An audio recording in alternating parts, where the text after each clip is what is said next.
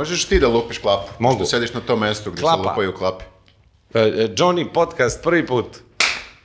Koji ti Ja. ovo podcast po redu, e? Ma zar Nije mnogo. koji je podcast? Misliš mnogo. da, da možemo da kažemo da je Đuričko bio u tom i tom podcastu? Pa ne, nego e, e, gostuješ po podcastima. Ne, ne, Imam, imam jedan problem zašto Bio ne. si kod Berta. Bio sam kod Berte, bio sam kod Galeba. Da, A to si bio, da. preko Skype-a, ono, to se ne računa.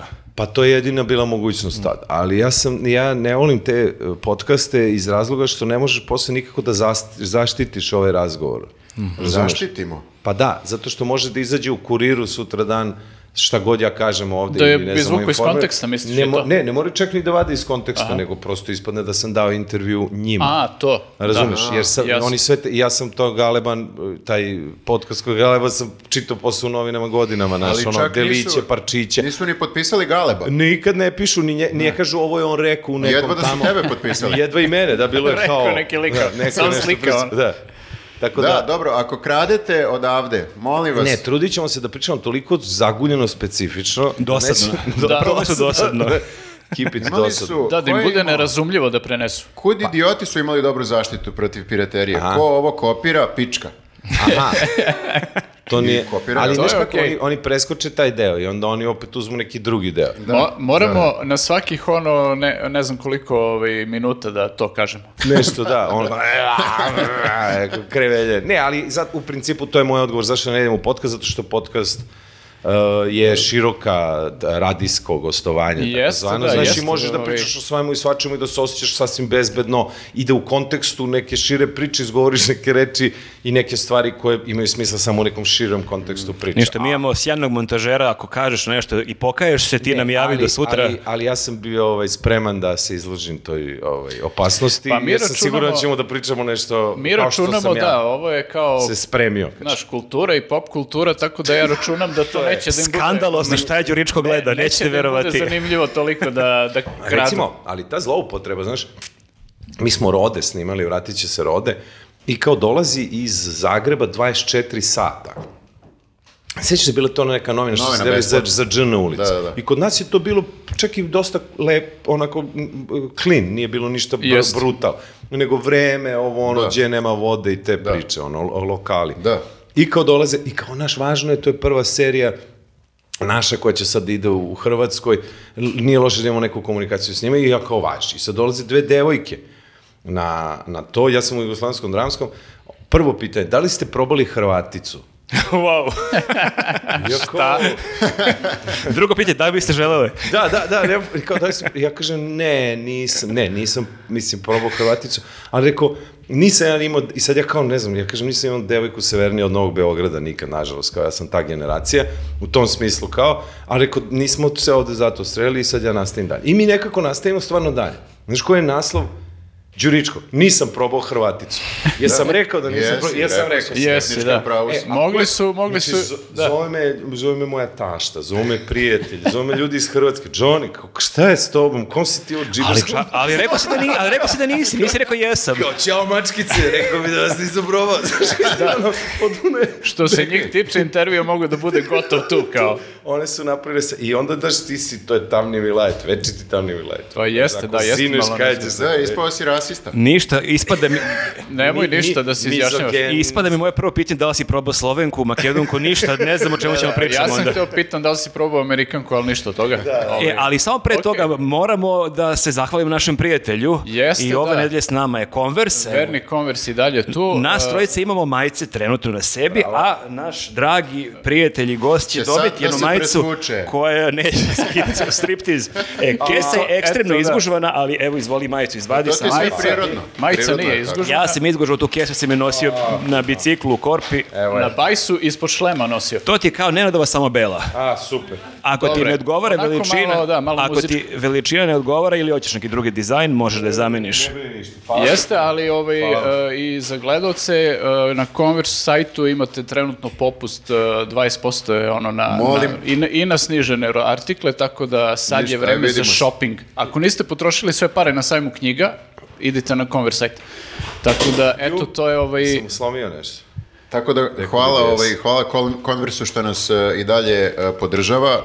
E, mislim da će se to možda nastaviti i u budućnosti. Hvala vašem sponzoru, što postoji. Prijatelju, prijatelju. Kaže, Našem prijatelju. Da, ovaj, uh, rekla nam je Elisaveta, ispuštujte ljude, pomenite neke modele, ali šta mislim da pominjem modele konversa kad su im svi modeli super? Znači imate one sa platformama, imate obične starke, imate milion modela, idite na sajt i odaberite šta odgovara vašem Apsolutno, ali kad smo kod Jelisavete, mi nismo ni ispoštovali našeg dragog gosta. Ona bi sad vrištala ovde. Nekako mi ne umemo to da prenesemo tu emociju. Tako da, Da, da. naša koleginica sad da Pa- te videla u ovom popkastu, ona bi više vrištala, ali moguće. Ovo je naš maksimum. Znači, mi smo jako srećni. Ja jesam došao zbog Elisaveta, ali... To je tačno.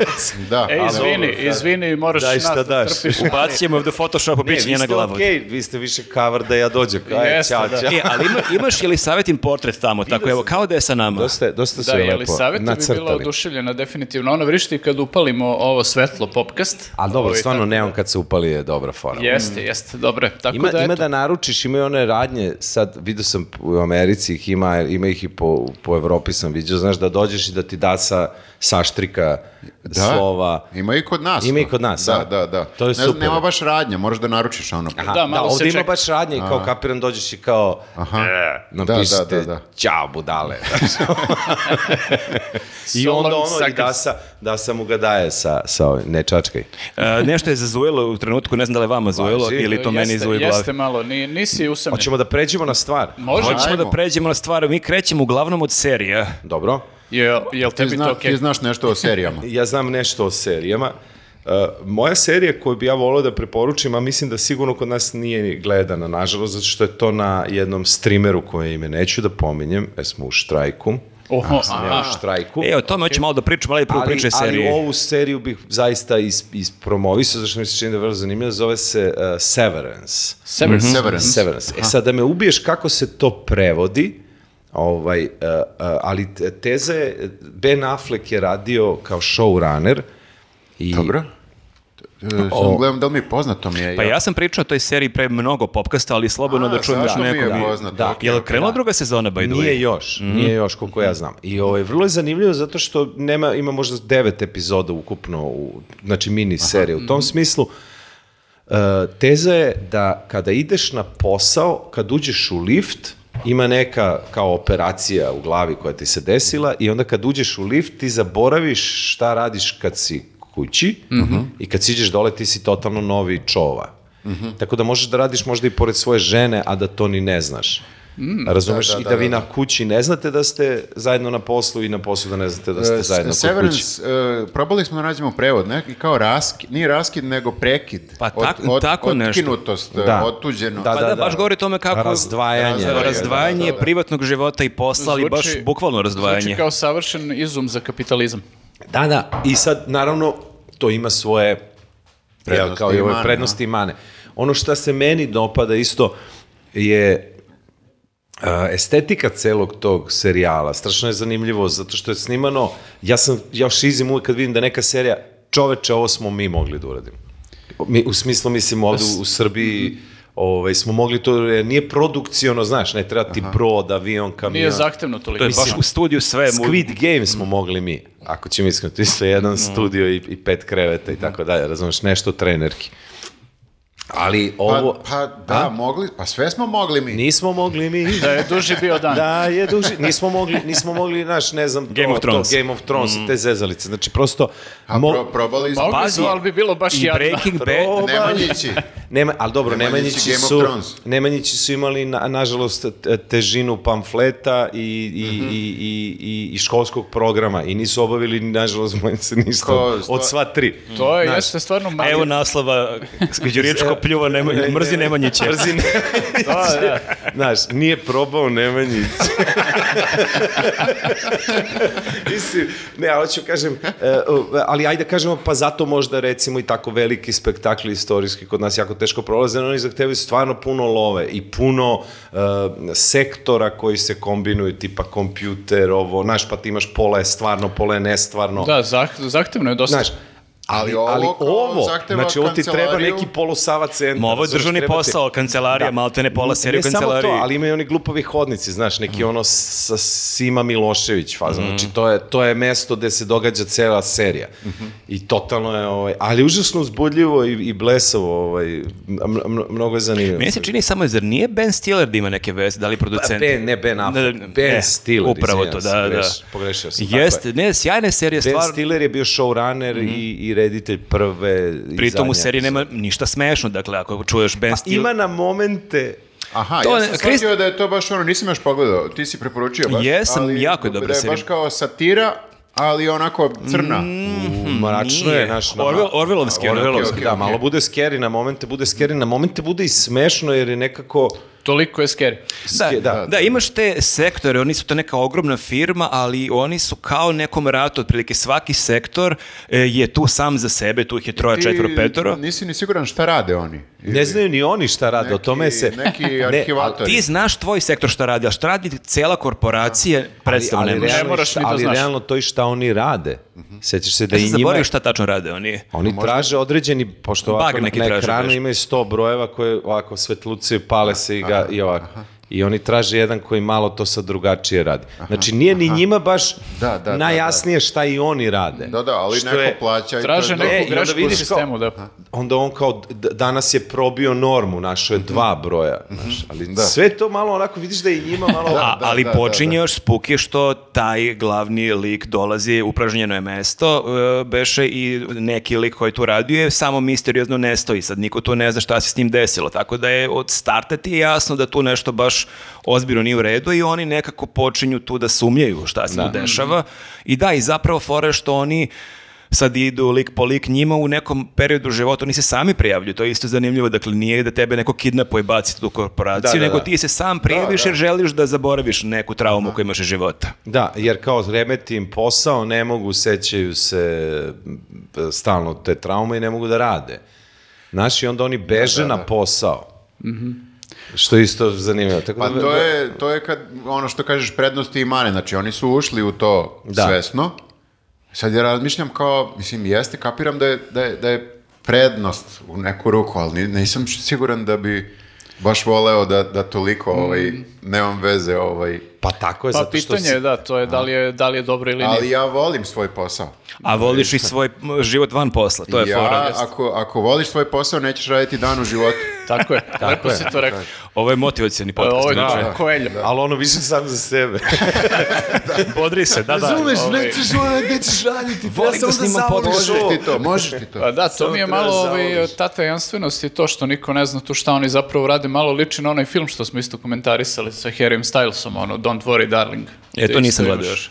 Isto imaš taj Nisam ja. neki takav setup gde on, ovaj, samo što u ovom slučaju, ovi kao, jel, šatro znaju šta rade muževi, a žene ne znaju, koje samo sede kući i kao uživaju u tom lagodnom životu sred neke pustinje, oni svi žive u nekom ono, utopijskom naselju, a zapravo se pot, posle otkrije šira priča kao Mhm. ceo kontekst, e, šta su oni zapravo i gde se nalazi sve to, ali podsjetilo me samo zbog te tajanstvenosti vezano Mene je malo podsjetilo na Eternal Sunshine of the Spotless Mind, nekako taj moment da ti želiš da, nešto izbrišeš iz sećanja, Mhm.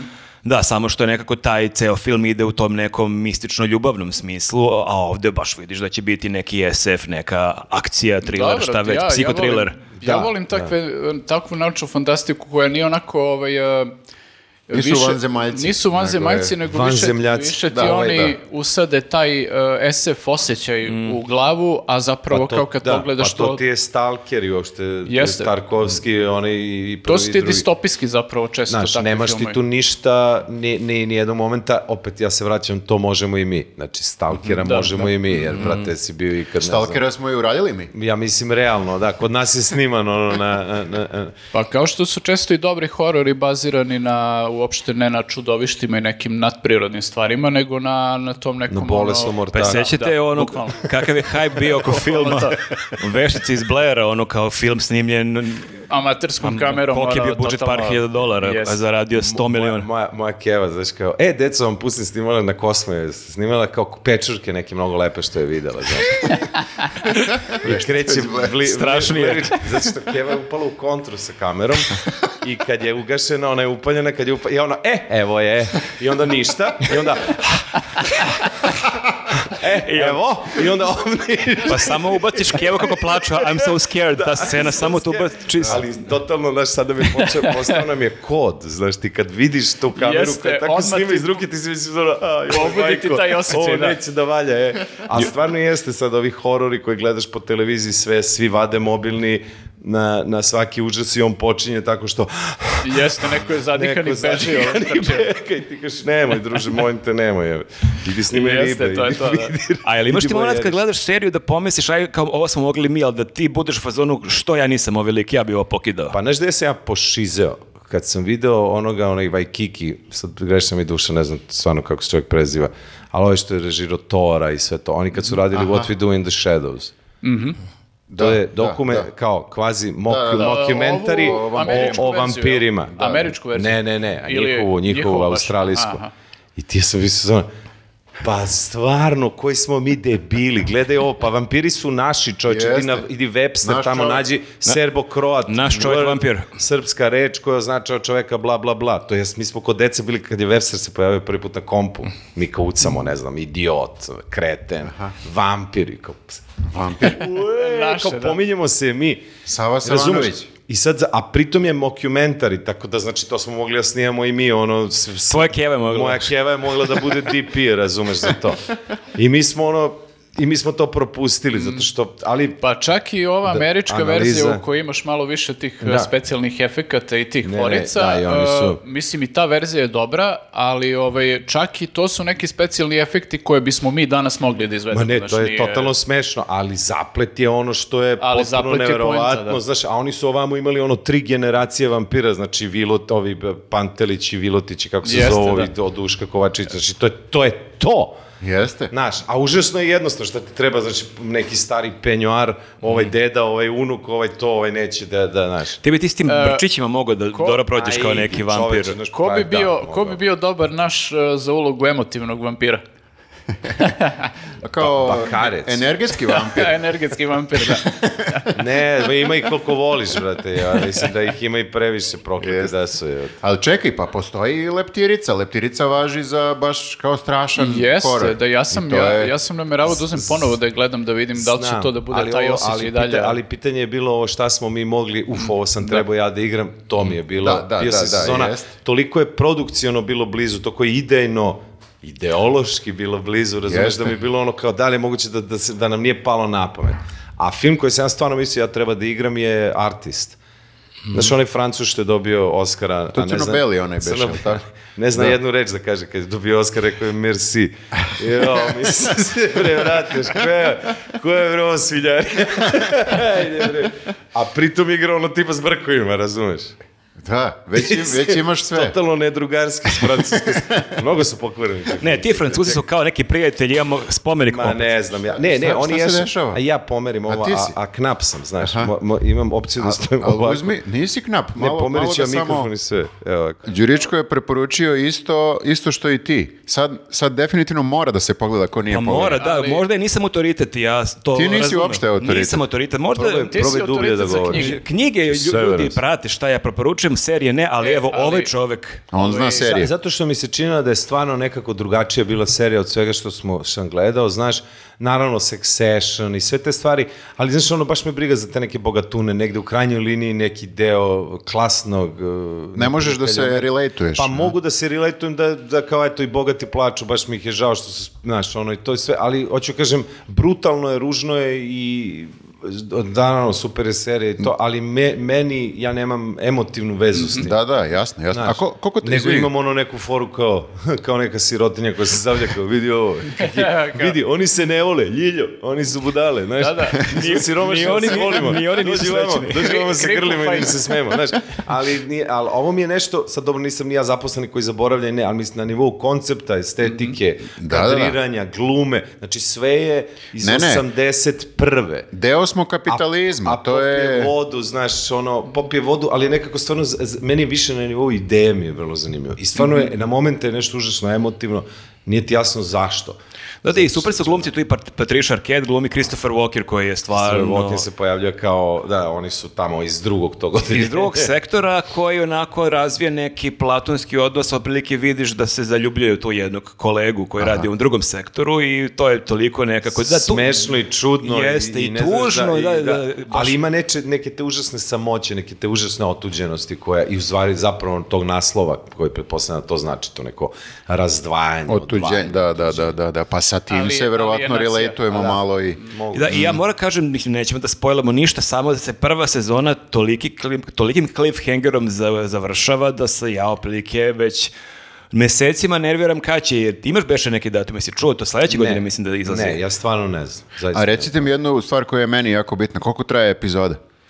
Mislim da traje t- 40... 45. Dobro. To je okej, da. Gledam, ja moram život, drugačije mi je život sada kako planiram. Sad su uglavnom tako. Slobodne ili sekunde. Između 40 i 45 ili oko sat. Ovo je deo podcasta kad Viktor kuka na to. Ne, kako završava se ovde. Ne. Završava se Pa ovde. ništa je Seinfeld, šta? Pa, Ali, ali, ali mi je bitno i da e, super je što je jedna sezona za sad. Znači nije ono kao da moram da sustižem nekoga E, to je da bi mogao da učestvujem u Moja, razgovorima. moja Ljilja, ja mi imamo, znaš, ono, ona, ona je binger, a ja mislim da je to samo ovisnost mozga, znaš, jer oni prave to tako da ti kažeš Jeste. idemo odmah Da, da, da. Svaka epizoda se završava ja cliffhangerom. Imaš ono 7 sekundi, A kleće, ja kreće sledeći da, epizod. Ja volim ono jednom dnevno, kao mi pogledamo epizodu i to nam je za danas i onda ćemo sutra uveče opet Novo, gledamo. da. I ona kao, da, ali ja ne, ne, I sad nekad mi pogledamo je dve, nije da nije. Ja ne mogu isto da odolim, ali mi se čini da je bolje da se gleda jedna po jedna nekako je odgledaš i onda sutra ceo dan Malo ako je dobra procesuiraš, a? epizoda, znaš, da, ti malo misliš o tome, pa kao što, znaš, i šta će biti manje više, nego više kao prosto daš vremena materijalu da legne u baš tebe. čudan čovjek. Pa da, ne, nego probaš da, kao kada jedeš, pa probaš i da žvaćeš. Znaš, Ne, dosta, ne. dosta će Samo da- pomoći da razmišljaš i o varenju, ukusu. Da, varenju i konzumaciji uopšte mozgu i tako. Zanimljiv Znaš, ovo mi se isto čini, jer ja znam kad se zabinđuješ, jer ne možeš da odoliš, ono je stvarno. Pa, adiktivno, da, da. I ti ono gi, gi, ali je protočni bojler u jednom momentu si ono Ne, nam, da. znaš. I ne znaš ni šta se desilo u sezoni, To da. završilo se Osjećaš da je nešto... Neku bilo- prazninu. Da, Šta sada radi? Da, da, da. Ali da, Maša i ja smo binđeri, isto. Mi kad zaređamo kao, mislim nekad kad smo zaređali, pa kao, sad ne možemo. Ne možemo za- da zaređamo i onda zato ni ne započinjemo. To je, evo, moje jadikovanje E, sada. to je Završit ću s tim. Moje Ne, ne, ne, jadikovanje. a u redu je, ali zašto da ne započinješ? Z- Zato što ne mogu da, e, kao, ne mogu da binđujem, a ako ne mogu da binđujem, onda Čemu mi nije, nije to to. Ne. Moja Jasmina, s njom imam baš problem jer ona ne može, uopšte neće da gleda seriju ako zna da nije gotovo sve. Dakle, to Aha. gdje je da prva sezona sada, sledeća sezona 2025. apsolutno ne ulazi u tu priču, znači moram da je garantujem da je to zaokružena Završeno, da, da. sezona i ovih 6, 8, 10 epizoda, to je to. E, u To su baš slučaju. škole mišljenja drugačije. Da. Jesu, pa da. vidi, evo tri škole mišljenja ovdje imamo. A reci mi, jel gledaš jednu po jednu seriju ili istovremeno gledaš dve, tri serije? Pa danas zavisi, ovu... zavisi. Da, nekad gledam, ono, imam jednu ozbiljnu, jednu neozbiljnu ili jednu kratku, ovaj, koja je 24 minuta, tipa gledamo da, zavisno od raspoloženja. Shadows, znaš, i onda ovo gledam ovo, Severance, kao današnju celu. Ako imam vremena, a ako ne, onda... E, da, A ali pazi do- ovo, nekada davno, mi smo gledali jednom nedeljno. Se, A, se- Beverly Hills. Da, jeste. Sine moj, Slažem Stara dobra vremena. bolji život, znaš, trči kući, nema nikog na ulici, de, ko će, šta će da bude, znaš, kad krene sama špica, ti već osjećaš, ja sećam, da, da, radost u stomaku, Hoće li je, Giga da prebije a jataganca? da, ne samo to, nego je to predstavljalo i nedelju. E, Jeste, tako je. Kupao si Jeste. se, najverovatnije. Znači, ima, ima puno nekih još Da. dodatnih st- Ja, ja taj stvari. osjećaj, izvini, imam sad kad pratimo i Billions, pošto je poslednja uh, sezona u pitanju. I, I onda jednom nedeljno. uh, jednom nedeljno izbacio, naravno, i sad je finale, mislim da danas izlazi, kada mi snimamo ovu epizodu, baš izlazi, mislim, poslednja cele, cele serije, ono, epizoda, tako da sad, ono, prošlu nisam gledao i pogledat ću dve od cugu te finalne, Ima, ovaj, ima da nekih tih se stvari dešava. koje izlaze tako isto jednom nedeljno i mogu ti reći da je sad ono čekanje, e sad moja Ljilja isto ona čeka da sve izađe i onda ćemo da gledamo jer kao ne mogu da se nerviram. A znaš šta, je, na šta još izlazi jednom nedeljno? U stvari jednom u dve nedelje. Ovaj popkast. Wow, ovo si Eto super povezao. Ne, ali hoću kažem, ima ljudi koji čekaju da ovo izađe. Sve i, I onda će valjda su, se- wow, ne, izašlo. da, Ali 800 problem dana. je što oni ne mogu da čekaju da mi sve snimimo epizode, jer ne znamo koliko ćemo da snimamo, mislim. I ne znamo kako će se završi. Tako je. Vi, vidio sam zanimljiv neki podatak pre par dana, neka vest, tipa sad ima i čak i taj termin da recimo 46% ili 56% parova i učestvuje recimo da se zove Netflix prevara ili možda binge prevara, a to je moment kada se sa ženom ili devojkom dogovoriš mi zajedno gledamo ovu seriju, pa onda ono ostaje duže, duže na poslu, pa ti pogledaš bez nje. A, okej, A da okej. više od pola parova to Ili, praktikuje. ali da, imaš, I onda je ne priznaš, kao gledaš njom ponovo. Imaš to, ali imaš recimo i da uh, neko gleda u, u braku, jel, jedna osoba gleda nešto što se ovoj drugoj ne sviđa, pa ova druga posle gleda za sebe nešto, ovaj, to je isto. Aha. Da, da, da, da. Ovaj, mislim, Nisu teli zajedno da gledaju. Pa, znaš šta, recimo Maja i ja, ona isto voli da binđuje serije, što god da se dohvati, ona, ono, dok ne odgleda sve, ovaj, dok ne padnu u nesvest otprilike. Ja imam neki prag, ono, nekoliko epizoda mogu da pogledam u cugu i onda imam zasićenje i ne mogu više. A to ako zajedno gledate problem onda. Ovaj, jeste, da, ali se tu dogovorimo, kao ajde da, ono, gledamo to zajedno. Ajde da ali vidimo druge serije. Često se desi da ona prosto, znaš, gleda nešto što meni nije nešto zanimljivo ili atraktivno, ili ja često gledam te neke dokumentarce koji nju apsolutno ne zanimaju i onda kao, ok, ona gleda sad svoju Mhm. seriju, ja kasnije uzmem pa gledam svoju, tako da ono, gledamo različite stvari. Pa dobro, vi ste različite osobe na kraju krajeva. Vidiš Pa koliko jeste, to da. može da utiče na brak, koliko je neki ono, generacije naših roditelja nisu imali ove probleme. To je, Ali vidiš, izbor, Da. izbor je Netflix mi je često- uništio brak. Izbor je problem. A, jeste, postao je. Znači, evo, isto i večita ona priča, svi upale kao, neću pomenjem te streamere, i onda što provedeš... si ljuti je. Pa zato što su smradovi. Ko je još gledao neku seriju? Ja bih pomenuo Tysona, to je išlo na, evo, moram i da kažem sad ide, pošto šta, da ima nije ni važno, Hulu onaj neki. E, na Hulu ima Tyson, ovaj, Mike se zove. I taj crni brat što igra Tysona je neverovatan. Pa serija? mislim, Serija. Prvo on izgleda, znači, totalno ga sašio kako izgleda i sve, skinuo, ono kako govori ovaj. Ali je vrlo i zanimljiva serija o Tysonovom životu, znaš, a i lepo, ima neku su lepu- zanimljiv lik skroz. Jeste, ima neku vrlo lepu ovu, kako bih rekao, estetiku i sve. Mhm. Znaš, ono priča kao, nisam, nisam trenirao uopšte kao ti posljednjih dana za taj meč, zato sam se dobro provao i oko špuf sam ulazi pesce. I u sred tog razgovora, odmah dole, znaš. To je bilo super. Jasno ima, ti bude, Ima puno dobro. super tih Da, što da, da. znaš, ima onda taj deo kad je on s tom nekom devojkom koju on u principu, ja mislim, silovao, znaš. Mhm, I onda on, ima taj moment da su oni jako, to iz njegove te knjige, znaš, Mhm. da se on malo suočava s tim da mu dolazi zapravo u fokus šta se desilo. On je toliko bio kralj sveta, Mm. znaš da mu je to... Mislim da i sad, e, on često ide po nekim podcastima, da. ima svoj podcast, da, pa pominje to kao da taj ceo deo života Ceo kao... deo, znaš, i onda je odjednom samo dolazi mu iz, iz, iz, da izvineš, iz dupeta u glavu, Mhm. Čoveče, šta ja radim, znaš, šta ja uradim. A jel obrađuje samo period dok se bavio sportom ili obrađuje njega i danas? I... Ne, ne, ne, do, do, do nekog momenta kad je pao i Mhm. kad se vratio i kad je ukapirao da je i, i, i, i otišao od, od, od svog tog ludila. A kako ti se sviđa on sada i njegov humor, pošto on dosta često učestvuje u tim nekim i roastovima Pa Ne, i... pojma, znaš kako, meni je ono, mislim, on, on, o, s, s obzirom da je on bio to brutalni ubica, znači, čuo si za Tyson tako što ima 30 borbi, 30 nokautom u prvoj rundi, u drugom udarcu, recimo.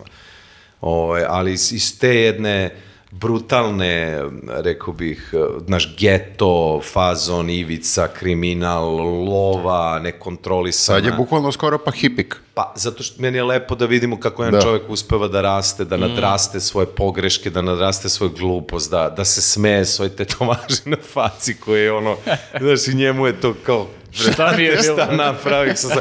To mi se nekako čini da je, da je, da je vrlo zapravo otvoren i Kao, ono, naravno, show i da našo je provalio da ljudi vole tu iskrenost, jer Ameri, ali kao i svi sad, Ameri smo svi mi, kaže, Žiličko izjava. Ovaj, a, a, a, da, da, da, Ameri vole to a, pad, a, pad šampiona i, i, i, i pobedni e, drugoligaš koji uspe da osvoji šampiona. Da, da, da, ali da se vidi da smo u njemu svi mi. Svi To smo je i mi pomalo, Jeste, da. svi Svi padnemo pomalo. Tyson. Da. Hm.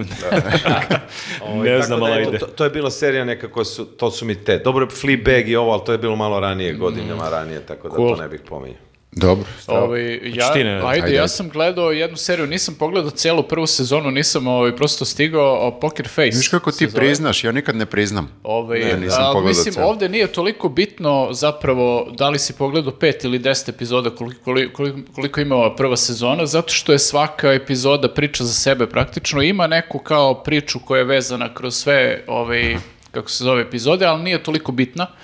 Nego E, su šta- bitni šta si ti rekao, kako se- kako se po- zove? Poker, Poker Face. Face. Poker face. Igra ona cica koja je igrala pre toga ono Nađa, recimo. Nataša Lion ili Lion, Nataša tako, Lion. tako nešto. Da. Onako da ima ovako. E, ima taj- ima taj, da, ovaj, vinjak glas. Ali Jeste, simpatična je ovako. Ali, ovi, mislim, dobra je serija, kriminalistička je, ona ima tako neki, uh, oni su to nazvali darom da provali kad neko laže i ovaj, kasnije oni to razrađuju kroz epizode tako što ona kao, zapravo ti vidiš da ona ima žicu za neko istraživanje, za istražitelj. Ali više neka krimi komedija. Nekako. Jeste, onako, ima taj uh, neki čudan moment uh, uh, nekog Twin Peaksa u smislu da su svi nekako likovi koje vidiš u, u epizodama čudni, onako kao da nisu baš skroz normalni. Ovi imaju tu neku ono notu kao u Twin Peaksu kad ti je da, sve malo nekako... su za, zavrnuti. Jeste.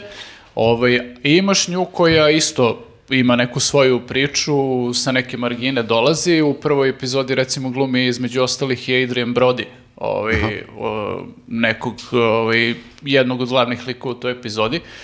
I sad ona u svakoj epizodi rešava te neke slučajeve, e, pritom ona nije sad ništa zvanično, ali u, jed, u nekom momentu počinju da je zovu i policajci kad shvate da ona kao ume te neke stvari da raščivija, a često se desi i da su u fazonu kao ajde šta si ti butaš ovde, ovaj, nisi ono nikakav istražitelj, niti bilo šta slično, skloni se.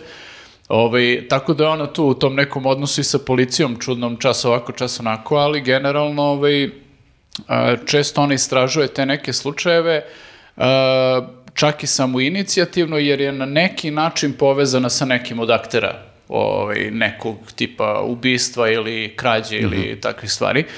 Ovaj, I što kaže Marko, jeste kombinacija kao te malo ovaj, kriminalističkog ovaj, nekog uh, žanra i komedije, jer stvarno imaš ono, mislim, nije loše napisano u smislu da ima neke dobre replike, umeju da te nasmeju ovaj, u, u nekim momentima. Uh, tako da ne znam šta je plan, da li će biti druge sezone, sad- za sad je na Sky Showtime-u ide ovaj, uh, ta serija. Može Streamer je, gleda, bi da. ga, mora se pomeni.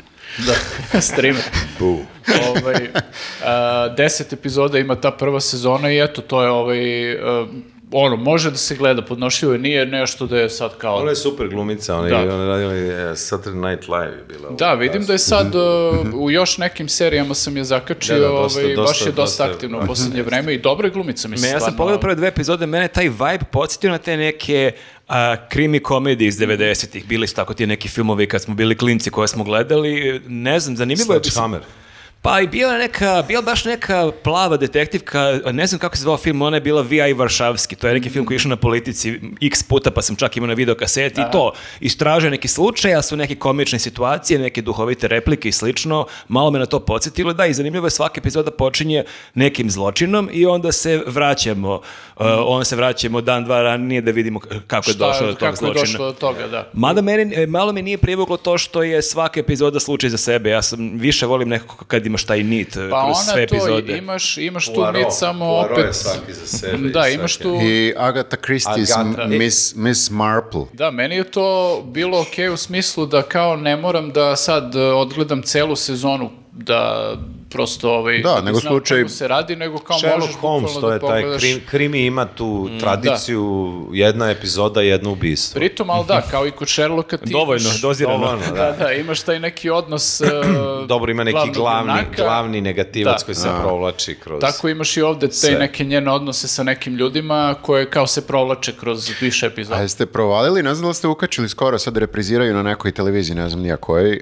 baš ovaj Mrs. Marple, Agatha Christie's Mrs. Mhm. Marple. To je, mislim, nije e, š- ovaj, kako se zove, e, Sherlock Holmes i Poirot nekako imaju slučajeve koji su, koji imaju smisla. Mhm. Kod Mrs. Marple nijedan slučaj nema preterano smisla. Sve su toliko nategnute slučajnosti Aha. i konstrukcije koje su samo uklopljene da, bi na kraju Bakuta Mrs. Marple rekla ovo je ubica, da je to negledljivo prosto. Ja ne znam, stvarno, mislim, Ja to sam je... to uvek mrzeo u tim detektivskim romanima kad ti, kad ti pisac namerno sakrije neki detalj. Ne, ne, vidi se da je ovaj Agata Kristi ovde baš štancovala. Štancovala je Bakuta, razumeš, kao ovo je slučaj koji, o- o- on- ovo niko neće provaliti. To što kažeš, sakrije neki nebulozan detalj potpuno, koji samo ni, ni ova junakinja nema šanse da ga je provalila. To nije nego pošteno, treba biti Nije, nije uopšte pošteno, baš su besmislene potpuno radnje. A kako počinješ, šta misliš, kako, kako se Agati palo na pamet? Znači, ona, znaš, tad nije bilo novine, interneta, Ne, ne da odeš u bazu podataka i kažeš koji su ljudi, ludaci, bog te lebo, ovo je, ovo je za priču.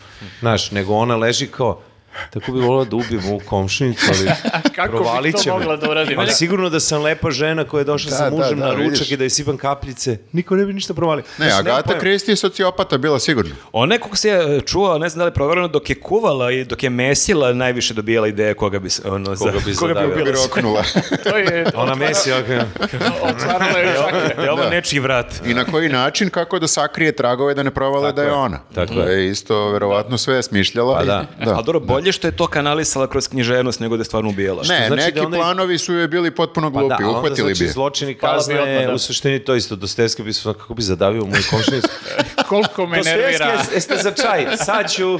Majko, Isusova, zadavit ću je, majke, mu babu će jedan dan uzeti. Ne, ne, ne, ajde, baba, bre, dosta. Pa ću se kao nešto posle Ne, pokajem. ali znam šta će bude, Čekaj. doći će Murija, ja neću moći da sakrijem, znam ja Čekaj da- sebe. čekaj da za- Ima bude, ste pozvali, molim, koga, pa, čaj, ne. Ja da, sam ne, loš lažov. Ne, voleo sam čaj, nikad nisam. Čekaj prvo da na... Čekaj prvo da napišem kako bih mogao da je ubio. Da, da, i to je to. Znači- E, ljudi, pa ovo nije loše. Znači, u ovom podcastu Đurička otkrio da je Dostojevski hteo stvarno da ubije babu. da ga komšinica To je davila. autobiografsko delo. Ali ako je baš smarala, okej. E, Šta ste vi Pa ne, gledali? nego mi je zanimljivo zato što ima taj čitav pokret koji, uh, uh, uh, Agata Kristije i Poirot, jel? Jeste, jeste. Znaš, a Conan je ovaj, š, š- ovaj Schwarzenegger. Š- Schwarzenegger, da. Ne, ali Sherlock je, Sherlock ima tu, on ima dedu, dedukciju i to sve, ali Sherlock je junkie. Da, da, Znaš, da, on da. ima svoju mračnu, mračnu, Poirot ne, Poirot leže u devet, ono, znaš. Da, on je perfektan. Znaš, a ovaj, brate, ode pa ga nema nelju dana, ne, ne znamo da, Da, ga da, vadi iz je- Na morfiju i svira violinu. Poirot- je Pušionica, OCD lik. okremo ga ovaj vadi dole i onda ovaj kao dolazi k sebi. U tom smislu je malo drugačiji, ali je tu isto... Ta... i Nešto je meni isto pišanje od smeha u tome, u kod Agate, recimo, u Poirot. Oni svi na kraju sede u jednoj sobi. Jeste. jer- neki čajanka, čajanka za ono, znaš, i onda kao, gde ste vi bili, I kao, onda rekao se si da si igrao tenis, slučaj, da, kao, svi znamo da ti ne znaš da igraš tenis. Kao, o, ne. o, kvragu, kao, što sam došao na čajanku? Da, da, znao sam da je neka nameštaljka. Ja sam pizdeo, ja sam u jednom Znao sam momentu... da je trebao da kažem da jednom 11 ljudi igraju tenis. Teško mi je naći 11 Kao ljudi. ljudi, ako vas Poirot zove da budete na istom jednoj mestu prostoriji, sa da. više ljudi, nemojte da idete. Ja sam e, volao Agatu Kristi tipa u osam razdu, ja sam pročitao nekih sedam, osam njenih knjiga maltene za redom i tad sam čitao nikad više, ali tad sam išao u biblioteku ja sam pizdeo, jako su često ljudi u bibliotekama spojlovali njene knjige. Ti otvoriš knjigu, prva On stranica, Butler, Butler i ubica. Stvarno? I kao, ma nema šanse, haha, forica, ne, stvarno je Butler ubica. Tako Vidite, da... to je koji ono... Tako da to što kao mi, što mi nekad spojlujemo neki film, neku seriju u ovom popkastu, nije ništa. za ovo. 93. godine su spojlovali Agatu Kristi u bibliotekama. A to ne možeš da izbegneš, znaš. Ne može, kako Jer ti otvoriš, da. Da, da, da. Još ako je negde još napisao osim na prvoj strani, nema šanse. Nisam znao za to. Da, Pa da. nisi čitao Gato Kristi onda iz biblioteke. A to je, vidiš, to neko, pa a zašto su tu, da, Loši ljudi. loši ljudi, da, spojili. Ajde kad ti prepričaš pa otkriješ neki detaljčić slučajno ili namerno, ali ne kao ovaj poenta cele knjige koja je ubica. Nema tu kao nešto si mogao ono drugo. To, je, to su ovi od Sherlocka Holmesa fanovi. Treba da napišemo I onda da. oni idu i kao, Sabotiraju. Šta, jedini način je da mu, se- da mu se upiškiš u supu, razumiješ, to je ta fora, da mu, da mu Ne, ne, pokvariš doživlje. Napišeš knjigu ko je ovaj, spojlovao. Mm, Da, moguće. Istražiš A, sve. Ako prelazimo dalje, evo mogu ja da pričam. Ajde, ja sam... e, ja imam jako nešto slično kao Nenad, tako Hoćeš da da... dovežeš onda? Hajde, mogu da Ajde, se, ajde mogu da se ti gledao? Isto je krimi serija, zove se Stay Close. Na ovom jednom streameru velikom, počinje na ne. Šta sad ne smo iz poštovanja možete, prema Ne našem... smem kad me gleda ovako. A, da. Možete vi promovišiti ih.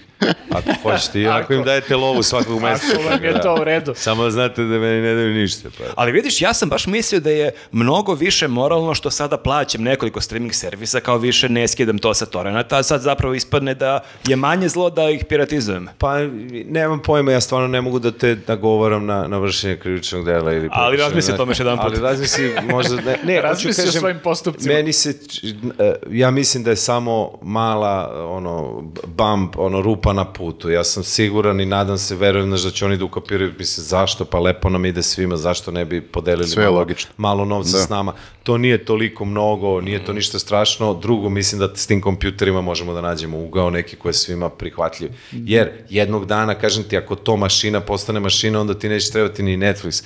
Nije pitanje čak ni toga, razumeš? N- Nije pitanje... Mene, mene plaši da će u jednom trenutku roboti da gledaju. Ne, ne, pa hoće, Šta ćemo mi da radimo? Pa roboti, će- roboti već gledaju kad i vidiš ono neki kao narodnjak teški ima 6 miliona pregleda na YouTube-u, ti kažeš, er to moguće da su sad svi Srbi, svi su Ja, ka, otvorili ja sam isto mislio, ali mislim da je moguće. Nije, re- kompjuter je da, to. I jedan Srbin je gledao dva put. Ali ono što kažem ti, ja bih volao da vidim tog kompjutera koji stvarno bude imao svest. Jer, s- a kompjuter koji bude imao svest svih knjiga, svih, svega ikad je napisano Terminator. sa- Ne. Ja mislim da će to, znaš, ono, ti ćeš da dođeš i kažeš, e, da li možeš sad da mi napišem, će reći, Johnny, prestani. Sve, Da. sve Johnny, glupo. ne treba ti to Sve sad. glupo, ja sad plačem neko vreme. Život nema Zastani. smisla. Biće, biće kao ne, ovaj... što je najgore, on otkriva neki treći možda smisli. Kaže, Kako se Johnny, zvao samo- ovaj Ma- Hal. Marvin? Ne, Marvin, ne, da, Marvin, Marvin, biće Marvin, da, da, Marvin da. biće krajnje depresivan. I će reći, ovo je sve glupo. On kao, ali ja bih volao da mi napišeš, Johnny, dosta se pisao. Književnost je Prekini. Prekini, znaš. Ova ideja ti ne valja pročitaj, uopšte. Pročitaj ovu knjigu i prestani da, da, da pratiš, znaš. I Butler je ubica. Ja, bat, I da, e da, bateriju. A ne, što si mi spojilo? Sorry. Robot u fazonu, Znaš, Johnny, možda- pusti to, daj da popijemo nešto. Možda, možda igraš šah sa sobom. Ovaj, znaš, prijatelj naš komšija jedan, on, on živi u Kini i išao kod nekih svojih prijatelja, svojih rođe, svoje mame i tate u stvari. I kaže, on sad sleti, ne znam, gde je, Šangaj, Peking, ne znam, i onda kao ide do nekog e, tog svog grada vozom pa tamo prespava, pa onda, vata, znaš, užasno negde daleko. I kaže, kad je stigu taj neki manji gradić, e, na recepciji je robot, u sobu mu je došao robot da mu donese neku hranu. On nije vidio ni jednog čoveka. Kaže, ceo Ali- dan sam bio u tom hotelu, nisam vidio jednu Nema, osobu. nema, samo idu nema dovoljno ljudi u Kini, pa moraju da... Pa, ali, ne, ali pazi, to je Kina negde zabačeno mesto, druže. Znači, to, to, ja ti pričam šta će da bude. Ja sam već smišljao skeč, znaš, onu gaćem, ono malo, stani robote. Oda, odakle si ti? Znaš, daj nešto da Onda popričam. Jel viđaš nekog od naših? Jeli? A je, si iz Kine, pa da, pa je, da. Dobro. Pije, jel igraš šah ti sa sobom nekad? Znaš, ono, daj nešto da daj s nekim neku prosto proširenu, znaš, da... Biće, biće i Kao to. unika. Neki robot malo filozof. Kao, jel znaš ti možda Imaju onog- roboti kod nas u, u, u- Los Angelesu, izvini, u, u Melroseu i Sunsetu, samo na ta dva bulevara koji su delivery. Aha, aha. I zovu se, ne znam, a, a, Ajša, Aleksa, Jovan, ovo, ono. I imaju okice ovako, trepću, znaš, da budu slatki. Znaš, a, Da ih o- ne šutneš, Da, da. ih ne bi ovi iz Volta i... Da, da. ti ga pokvarene, one mačinske, beži bre ti.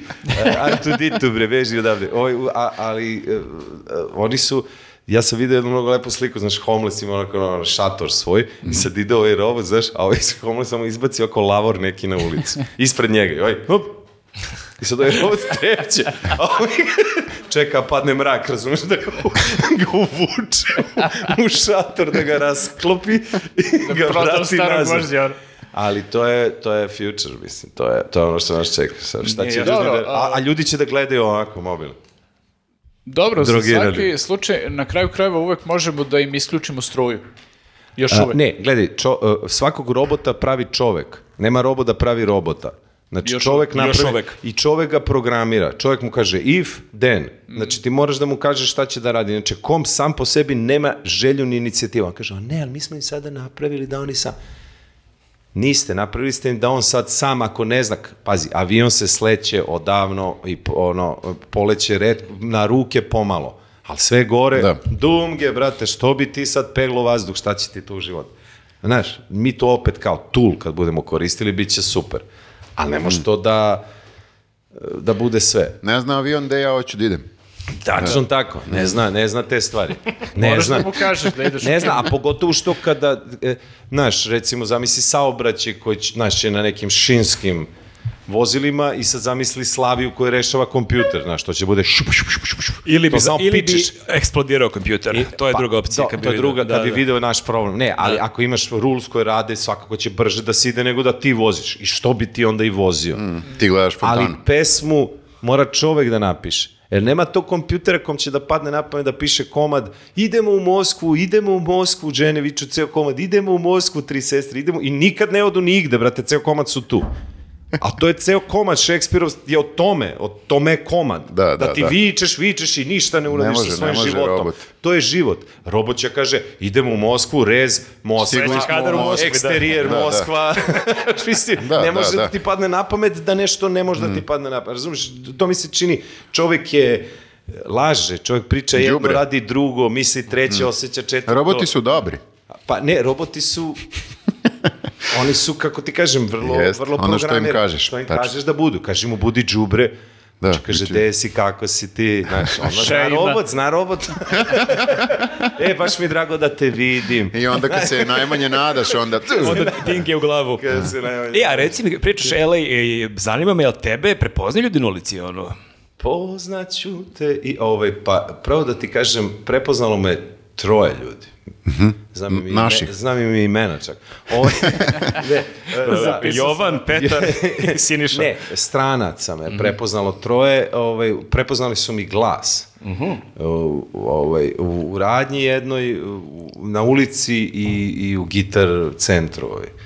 Ja sam bio presrećan. Ali ni, ni, nisu me prepoznavali na tom nivou još ne. Desilo mi se, znaš, da bude kao "E, znaš, nešto u kolima, a sad ja ne znam šta je, koji mi je vrag. Da, da. Ovaj, ali drugo, tamo su svi poznati, znaš, mi smo sreli bi Charlize Theron, Da. i, znaš, Ako ono, bi- Da, Bruce sre, Willis srećeš ljudi tako Pa na da, ulici. ono, ti si u kafiću sa kao onoga Bruce Willis, ti kao... Da. Kao, Lupa da mu gde se sam krenuo, ljudi, gde... Znaš, pa ne, to je kao i normalno je malo, kao fora, Da, pa se kao, kao i LA. stalno, malo je nezgodno. Pa da, i malo je LA, malo su svi kao, pa normalno da tu sam ja, tu je on, tu, tu smo mi, to je to.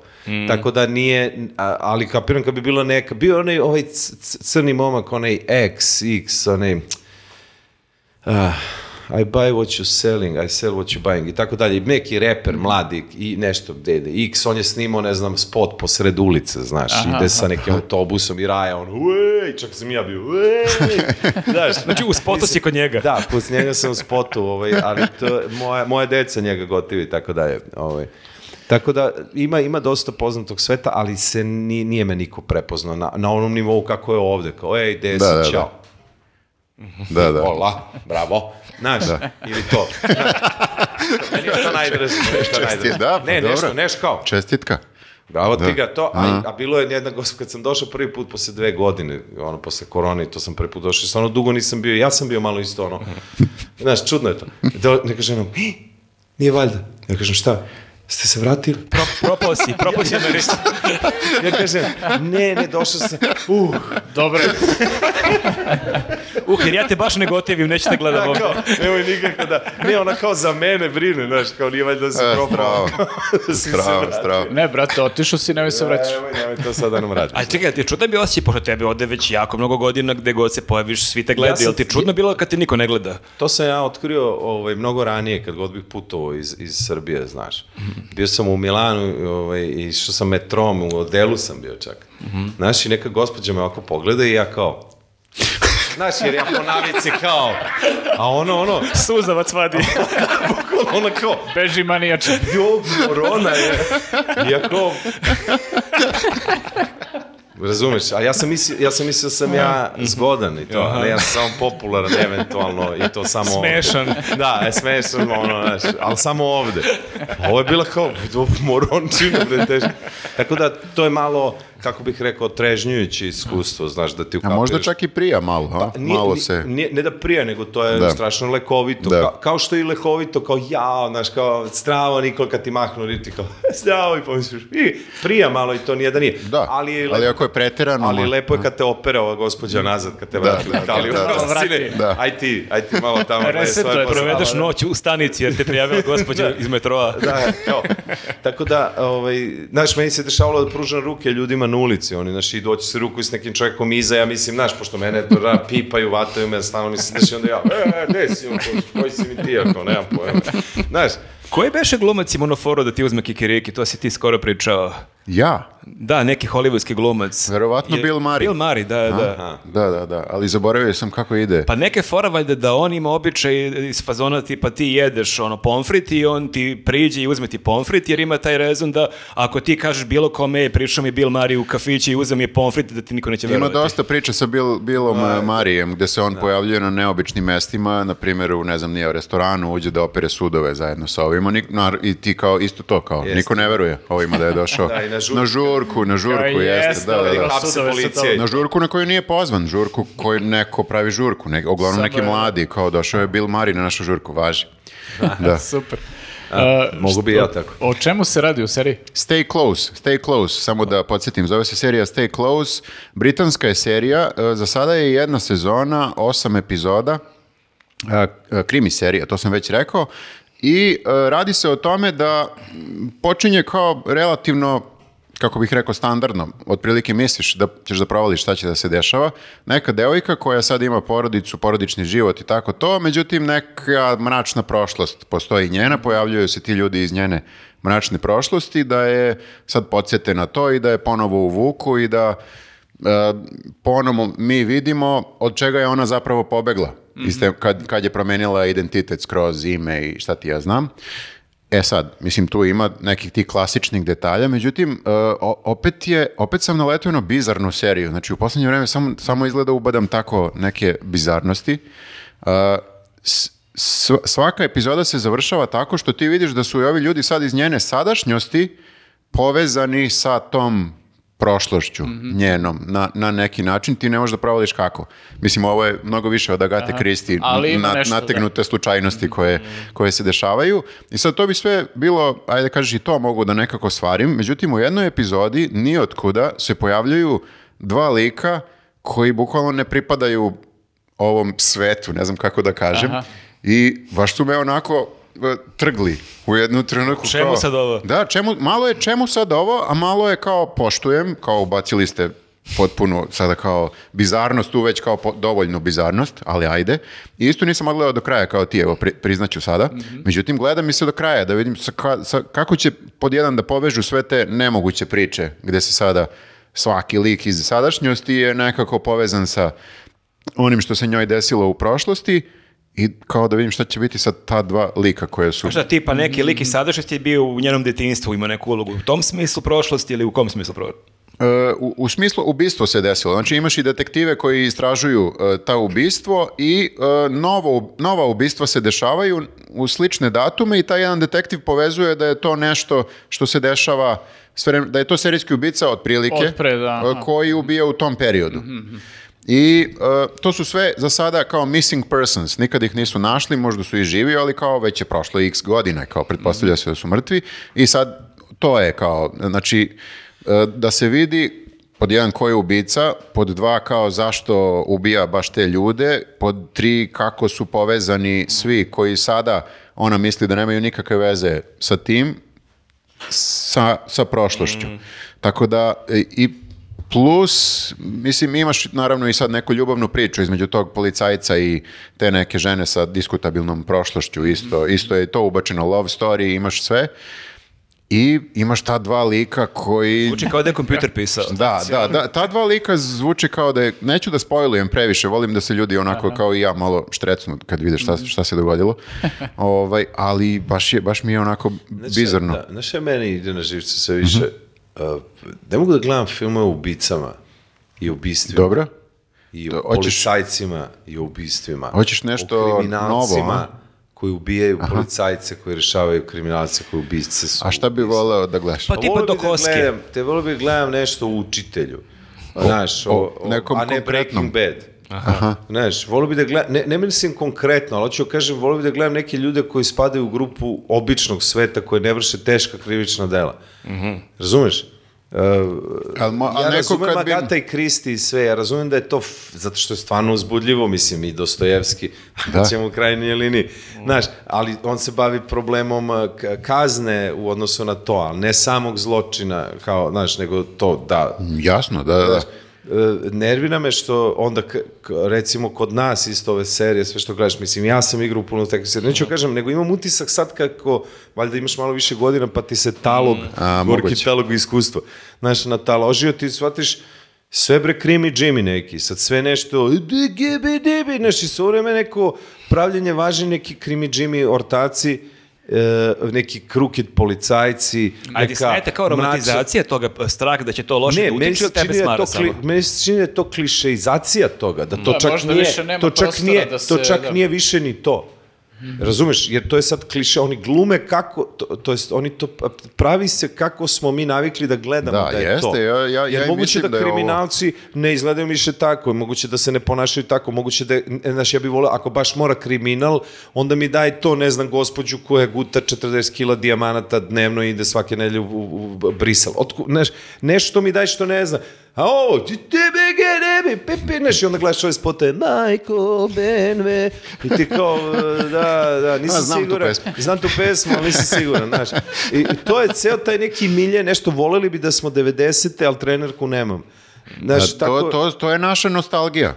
To je, mislim, e, 90. su Nemam sada pojma, ne- kao nešto, nekad kažem ti, malo mi već 60. mislim, revival, znam. Baš mi ide na Da. živce, ti kad pogledaš od sadržaja, 90% su neko nekog ubio sekom u glavu, silovoga, mislim, Čak, je ti smeta ove i nordijske serije i to, znači, i, bez tih dizelaša? nervira me nordijske serije koje su bile nekada, pa su sad nastavile da budu i dalje isto nordijske serije. A Sad, onda sad se se- malo prezasićenje Da, javilo. a ja onda mislim. drugo, mi smo svi krenuli da imitiramo nordijske serije. Sad I imaš ova- i ova seriju, serija britanska se- imitira nordijske I ti serije. vidiš po onim zelenim Da. bojama, vidiš ih po tome kakav su je palta, na, palenta, onda to kako je kadrirano nešto sve napravio, na, nahjero, napola.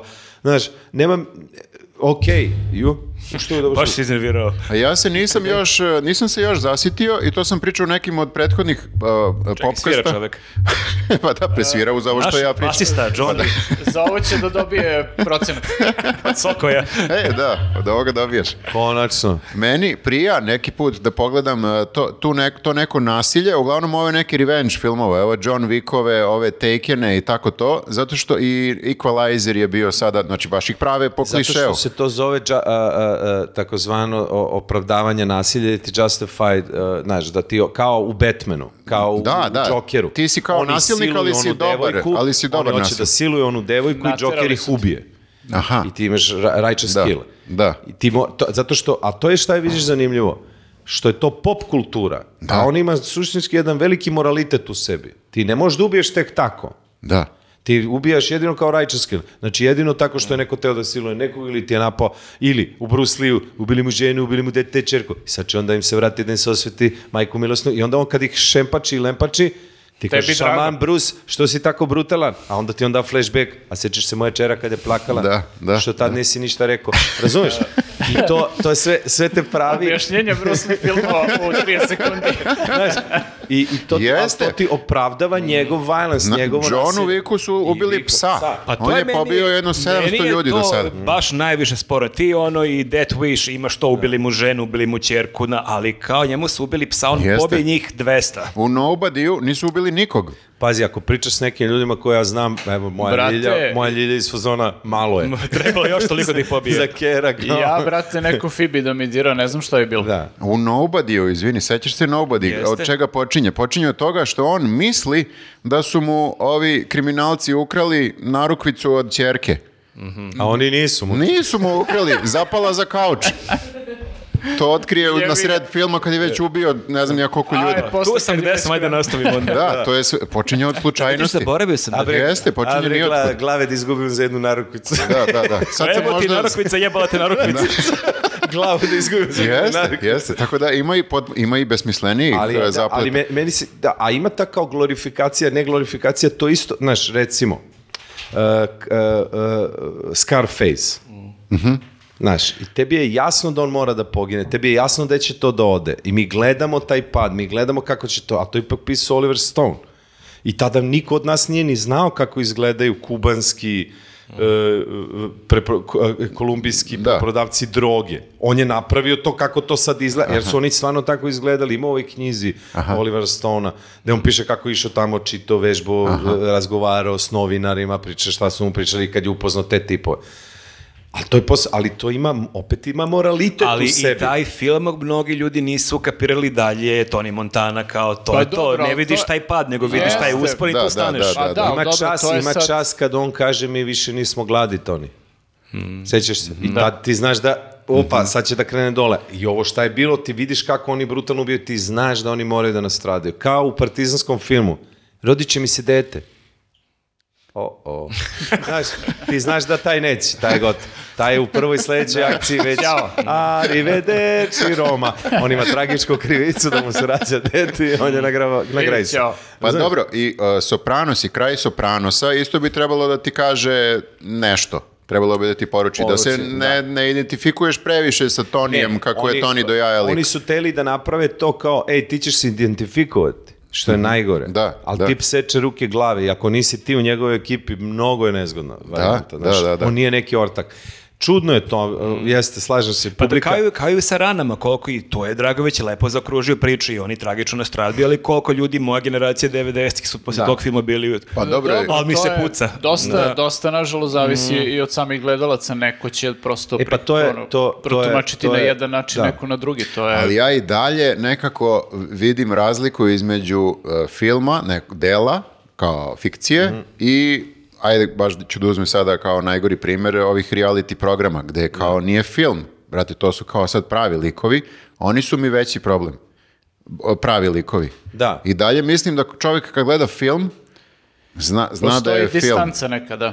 Možda, možda sad ne znam nija koliko vremenom ako ti štancuju toliko filmova da, ćeš da nešto pokupiš Pa, Ne od toga. Da, to su bili oni negativno. biseri, sećaš se, znaš. Da. To je čak, ako hoćeš, oni su i, i ono, vidimo se učitelji doživjeli kao... Jeste pozitivno, Kao da. pozitivno, znaš, Da. a mislim, Janko, zna- znamo sigurno da nije mu to bila namera i taj film stvarno, ako gledaš stvarno očima svojim, vidjet ćeš da to nije... Pa jest, nikako- da. Ali je, nama je bilo zanimljivo kao gledaocima i šta je tu bila... Da. uh, ono, I zašto je taj film Jankov bio i uspešan jako, je zašto smo mi prvi put čuli njih i videli njih šta bulazne. Da, da, da. Da, Mislim, ja sam bio da, šok, da nisu kao oni pričaju da. bez blama, kao da ja sam kriminalac, da Ne, ja sam, ne, ja sam da. pucan ovo, Pa, kao no, čekaj, no, to, da. kamera te snima, jesi svesno te snima Da, kamera? da, da, ali to, to i govori o njima, govori o njihovoj svesti, govori o, o, o, o, o, o stanju u društvu u kome tip ne osjeća, znači najnormalnije, to su vesi mala krivična dela, to je ništa, znači, znači kako tako nešto, posle, to je 20 godina možda oružena pljačka u razbojništvu. Neće ti se svidjeti film o kome ću da pričam. Moj prvi,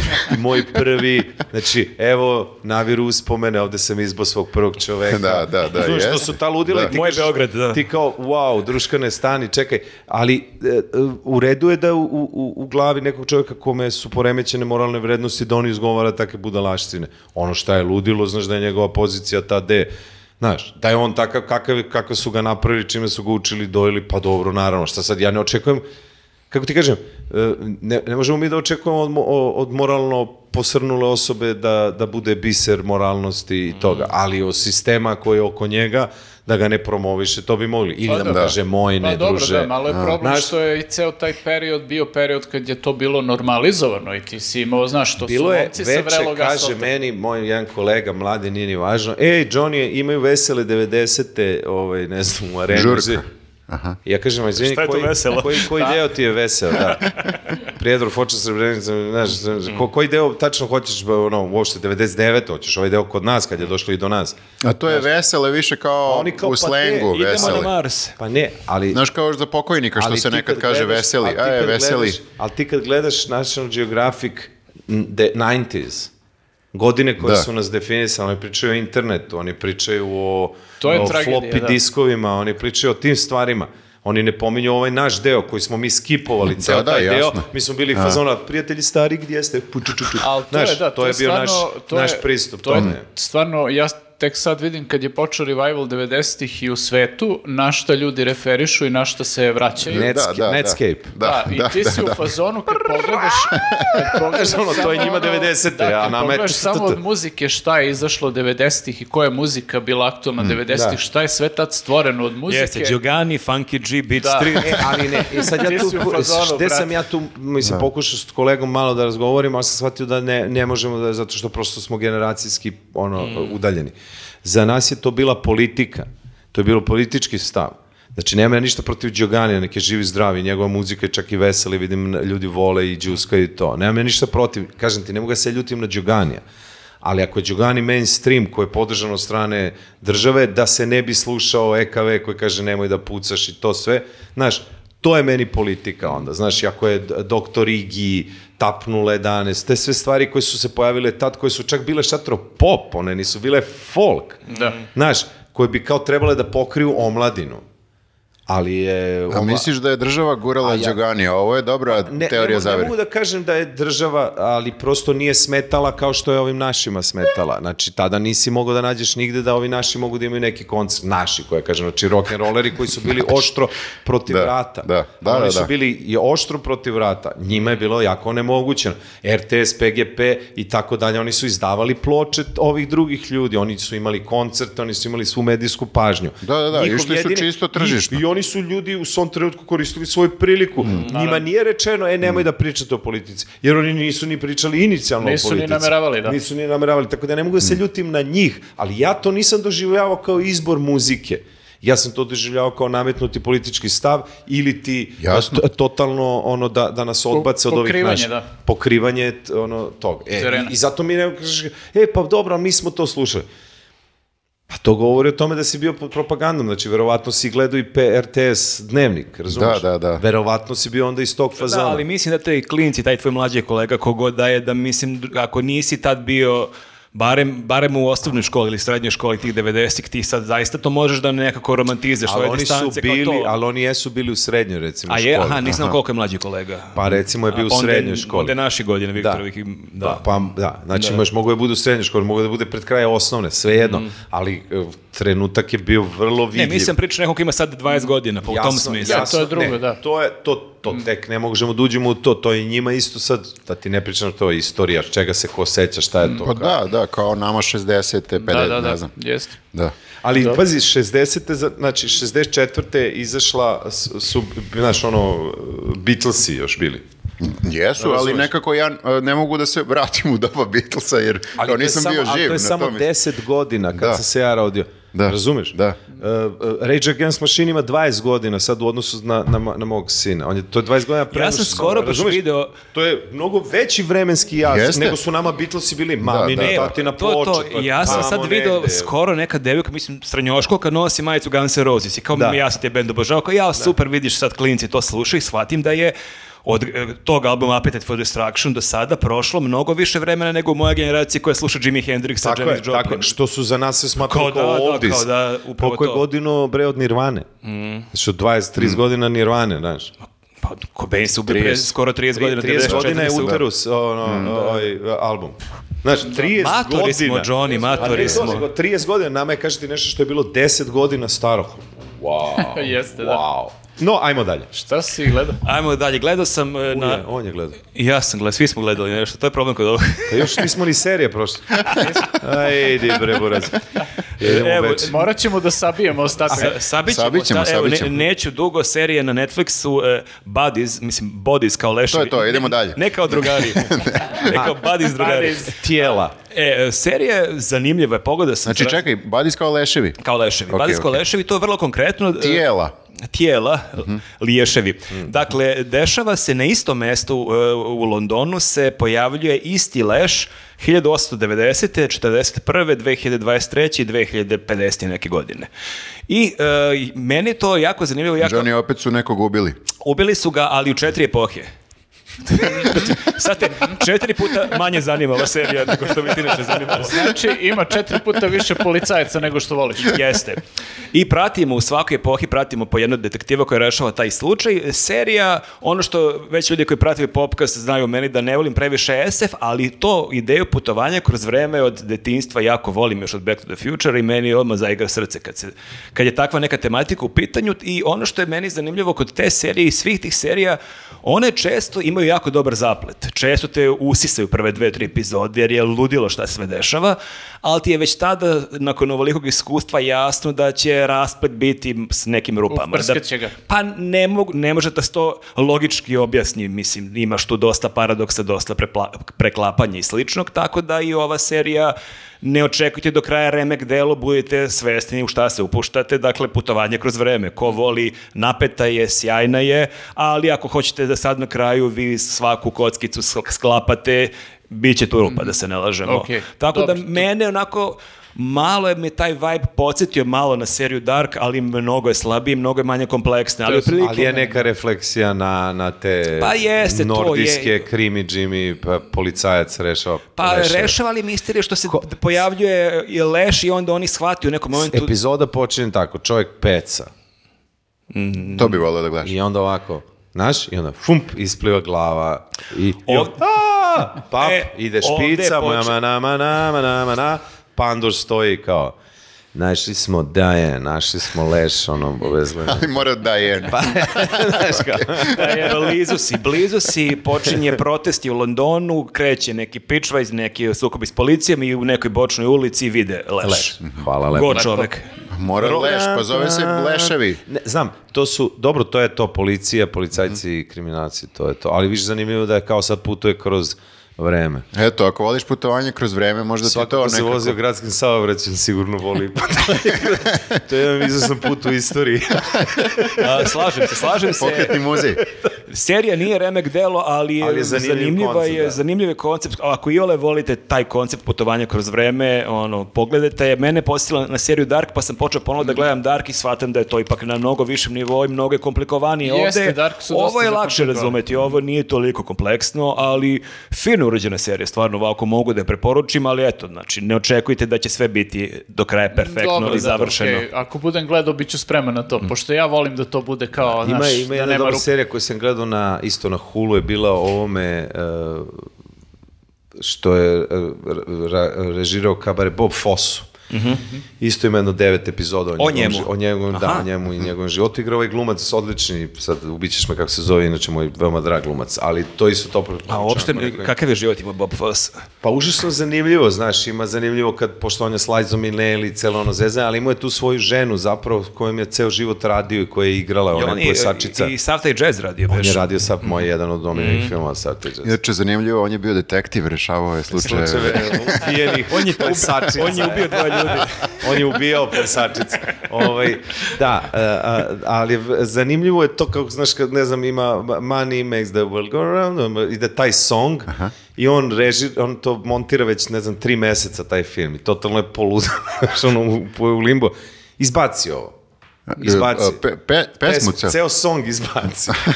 I, I ova njegova ta žena kaže, ovom montaženu, nemoj, nemoj da ga slušaš. Lud je. Ovo- Da, ostavi- da, ostavi ti o, izbaci ovo, znaš ono na fentamini pije, znaš ono To je živjelo se. problem i, i mi kad Da, to pišemo da, i da, neki scenariju, kad ponoviš foru šesti put nije smešno i onda treba da naravno, ukapiraš da, i prvi put kako će mora- biti. Pa dobro, zato moraš da imaš malo i distancu, da se odmoriš i tako, ali tako su bile zanimljive te stvari, znaš, onda kako je on teo da se dokaže ne samo da je koreograf, nego da je i reditelj, a meni je i Kabare jedan od omiljenih filmova. Znači, ta scena, Money makes the world Da. round, sećaš on peva, Da. zezaju, a oni paralelno montažom ide biju nacisti biju ovoga Jevreje. gazdu, gazdu zato što je pustio jevreje unutra. Razumeš, potpuno je To je super kao na kraju kuma prvog de- dela kada ovi Michael Corleone krsti dete i Jeste, kao da li ajde se od, pa, da, a, i paralelno ovi ubi, satine, ubijaju odričem se. tako je, U to se zove, da, kontrapunkt, tako zvani. A, tako se zove. Pa u muzici je to tako, a i onda montažno bi se to zove kontrapunkt. Znači, uh, vašar,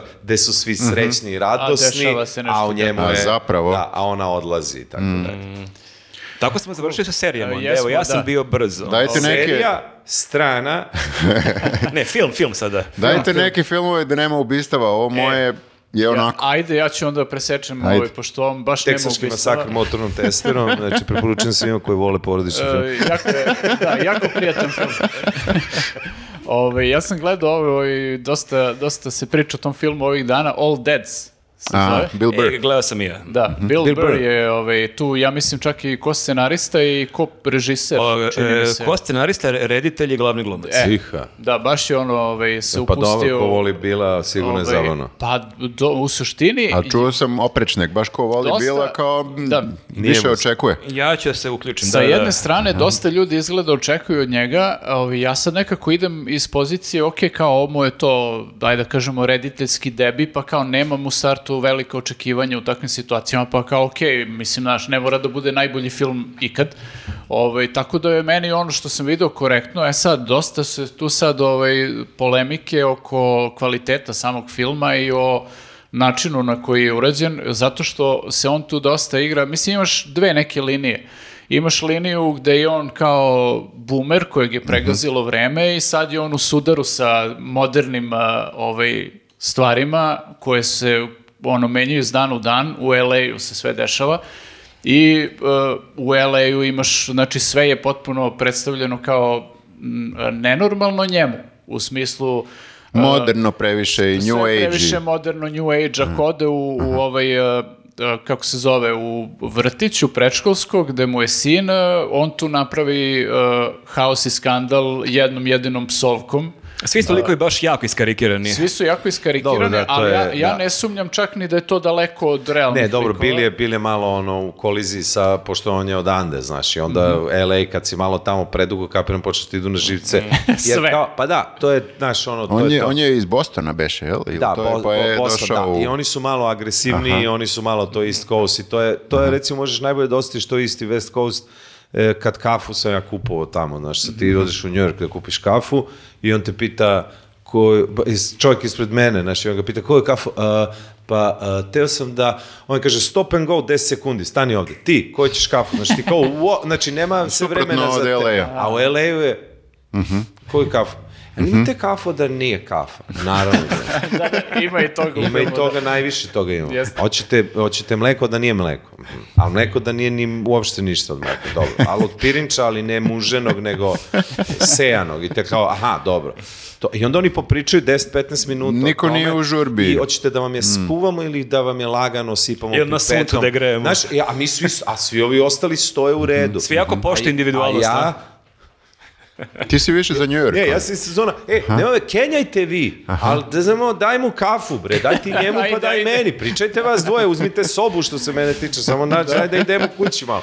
Znaš, Da, on je, ti si i više... kapiram to njega, Da, da, a da. oni umeju da odu i u krajnosti, krajnosti, znaš, i za to Jeste, da jeste, bude da. baš ono, zaumna priča, leba bez leba, motike bez motike, Jeste, vazduh ovde, bez da, vazduha i tako. ovde, ovde je to e, najbolje prikazano upravo na tom kolektivu u, vrtiću, gde kao su svi oni e, sebe doživljavaju kao jednu veliku porodicu, u startu je to Da. tako postavljeno. A koji opet poštuje individualnost svakog. Jeste, svi su tako ono na note i svi su istripovani preterano, a on je lik koji on otprilike izvadio bi sačmaru i pobio bi ih sve da. da, da može. Da poludi. Da, i ovaj, on sad ima tu još dvojicu prijatelja, jedan koji je u krizi srednjih godina i koji je kao ovaj, se razveo od žene i poludeo našu neku klinku. A isto ima dete Ovaj, ili... uh, on nema još uvek dete, uh, ali uh, ta nova devojka u jednom trenutku zatrudni i to njega gurne preko ivice ono Mhm. od tog nekog ludila ovaj, gde relativno je bio stabilan, ali onda počeo da je prave sranje. Bill, Bill je imao i oni svoju kolima, kao nije ni podcast, ne znam šta se to zvao, da on samo vozi kola kroz Los Angeles i 99% je pi, pi, pi, pi, pošto on Da, svo vreme da. je stalno u svađi sa ljudima. Da, mislim, da, da. možeš, ja sam Jeste. isto... On, on po- od početka, mislim, svoje, ja mislim, stand-up karijere jaše na tom nekom, uh, to što je on nervozan i edgy i ljut i ima anger Jeste, issues da, i sve imaš- i nalazi se na tom Ja mestu koje je da- woke, koje je... Imaš, imaš, izvini, samo tu liniju gde je on u koliziji sa, sa celim tim modernim životom koji previše napreduje brzo za njega i imaš e, opet e, tu e, liniju gde on hoće malo i da se obračuna sa woke kulturom i, i svim Da. tim. Ovaj, znači, s jedne strane ono je u sukobu sa, sa vremenom, s druge strane sa tim svim stvarima koje dolaze s tim vremenom, ovaj, to ga nervira.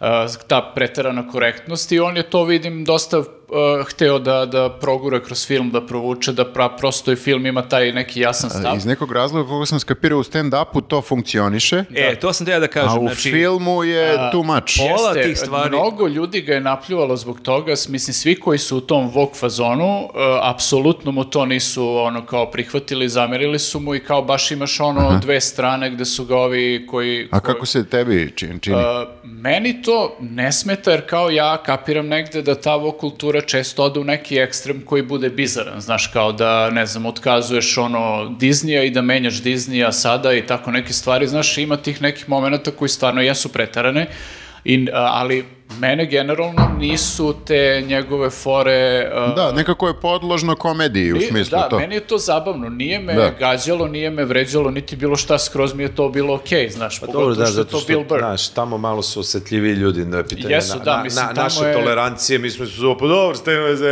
Pa to je nekako previše američka stvar da bi mene pogodilo na taj način. Meni moram da kažem... Još e, uvek je previše američka Nije mi u stvar. filmu smetao to što je mene uvredila neka fora uopšte naprotiv, ali mi se čini da dok sam gledao film, ja sam pola tih scena mogao da- jako da zamislim njega u stand-upu, kako sam to onako u svom, toj, svojoj nekoj gotivnoj ne- neurozi onako priča i mislim da bi bile jako dobre te scene. A kad ti staviš neki monolog gde ti da. prepričavaš, da bi ti rekao da mi je u vrtić po dete i meni kaže novo i, on, i kad bi on to opisao na bini, meni bi to bilo jako smešno, ali kad ti ekranizuješ to, gdje imaš ti stvarno dijalog njega i žene iz vrtića, nekako mi ne funkcioniše dobro Malo dobro. Bude, pa ja opet, eto, to sam, e, i budu to neke fore koje su mi na momente zabavne, na momente budu ovaj, malo tako neprijatne, ali opet to sam, eto, otpisao na taj nje- njegov rediteljski debi scenaristički, pa sam u fazonu, ok, kao, može to da i bolje, verovatno, ali ajde, kao prvi film, pa mogu Nekako da svaki da dijalog je tako napravljen da on poentira nekom foricom na kraju i nekako kao da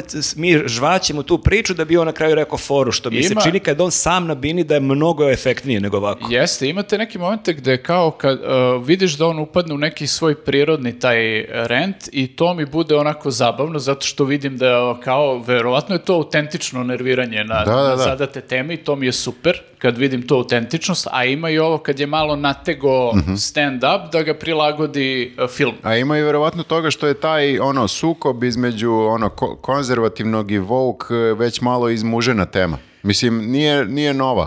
Ima ga i u Znaš, stand-upu tebi i u... može Bog da ide na živce, mislim, Bog znači budan. Da, da, da. I, sad ne znam kako možeš od da braniš tezu da treba biti zaspat. Pa, da, pa ne, jasno, nego kao preterano si budan. Pa, znam, ali šta znači preterano što je samo naša osetljivost? Ona jeste, eh, ja se slažem da, da to ide malo u krajnost. Ne, je ali nastalo, preterano. nastalo je iz dobre namere, skroz. ovde si I- dobro, dobro, to- nego to što je suštinski- iz, iz bo, suprotstavljanja represiji. To znači, suštinski- ne Da, da, možeš više ženi da govoriš da je Da, da, da, jasno. ujutru do uveče Sve je kao, nastalo na dobrim E, korenima." vidi ga ovaj vok, je, ti Da. kažeš, pa dobro, zemo, to je Ali ljudsko imaš pravo, sa majko. drugu krajnost je imaš tu neku kao kevu koja sinu dopušta da radi sve, je. to Ne, ne. njegova individualnost, je, mi ga je, puštamo i onda je. sad A to... to je pogrešno shvaćeno. Jeste, Jeste, jeste. otprilike. zlo- zloupotreba slobode, znaš, koja prelazi sada ono, jer ti si dužan kao roditelj, by the way. Znaš, ti si Lekcije dužan, Johnnyjeve. pa ne, ali ti si dužan da budeš graničar. ti si dužan da uspostavljaš granice koliko god bile glupave i da ih se držiš koliko god su glupe. Znaš, tipa, kokle mogu napolje do devet.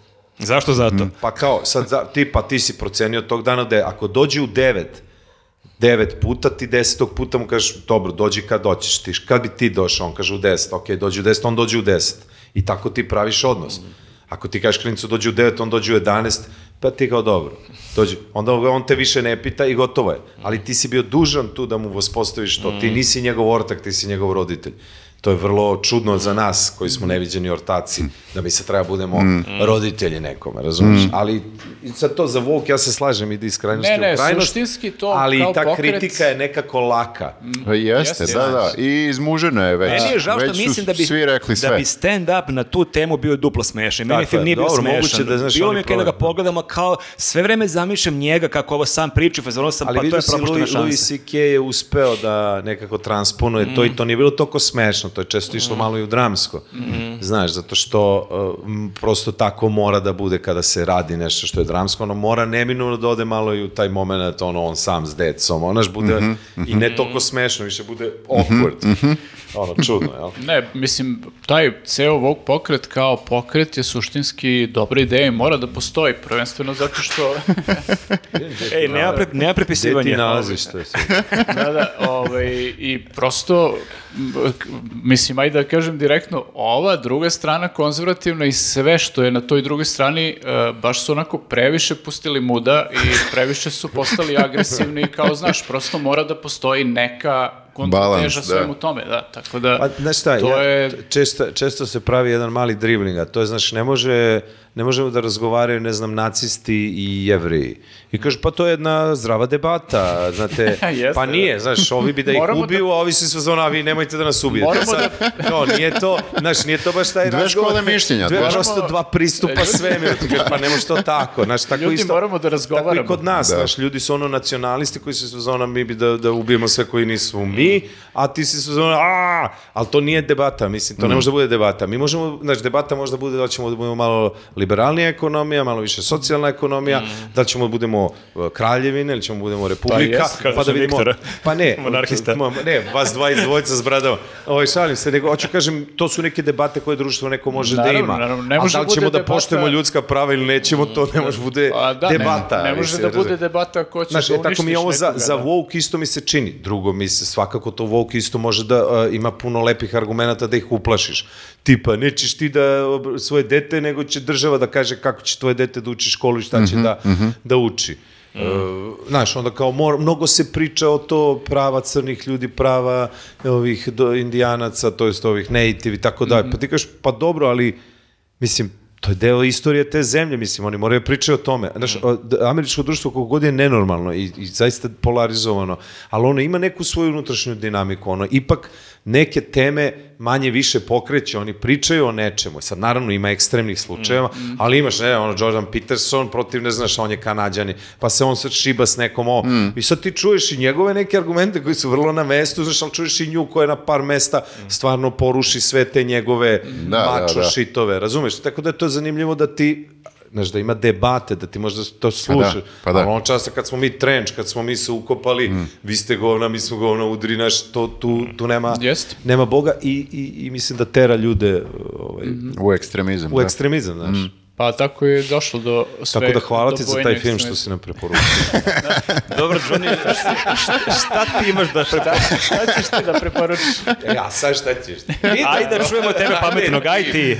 Ajde glumac da Ajde, čujemo. Vogue. Ajde, o nekom učitelju, ajde. Znaš šta, moj, mislim, puno sam razmišljao, dobro, sad to sav taj jazz svakako, um, ne znam, Amarcord, još se ti neki filme koji su Blues Brothers, primetio, dosta sam musical, evo, u životu, nisam ni znao. A to si sad uzeo ponovo da gledaš ili šta? Ne, to Ili- sam gledao ceo život, su mi to bili omiljeni filmovi, mi smo imali neke te, kad je propao neki video klub, mi smo ovaj čale kupio za 100 dinara 100 kaseta beta.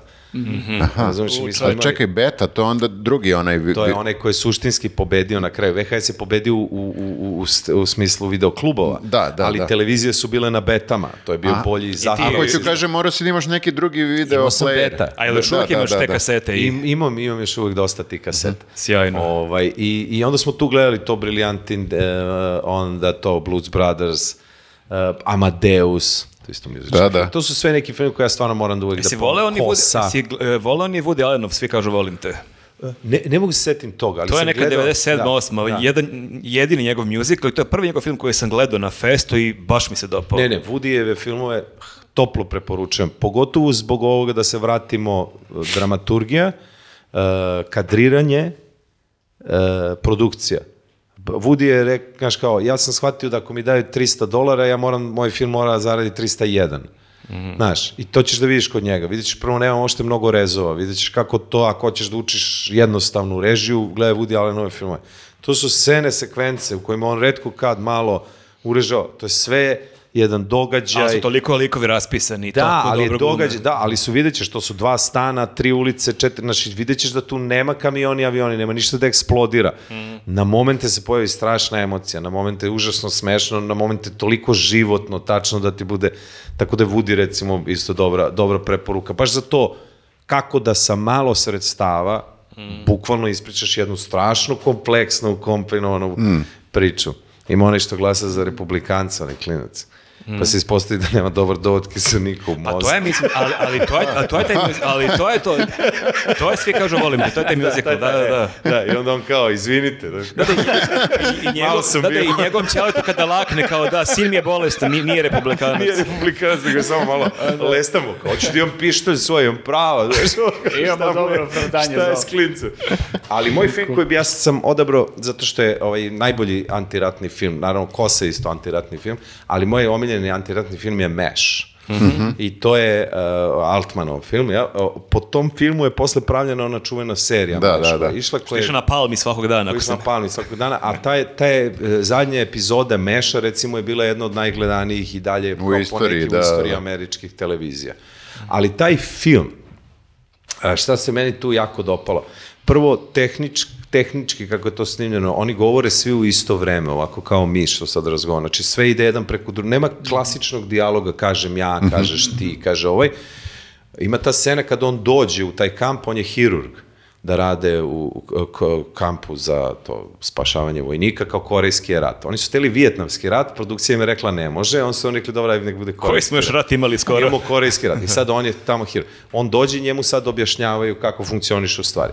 Znači, dođe, sedne do deset ljudi za taj sto i svih deset ljudi mu isto vreme priča ko ješta.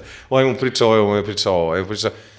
To je ludilo, to je toliko život. Onda, moj odnos prema instituciji vojske, rata, to je jedini dobar pravi odnos koji treba da imaš sa tim, a to je treba se zezati. Znači, treba biti, znači, nemoj, molim te da, da doživljaš sve to pretrano ozbiljno, jer to ne može tako.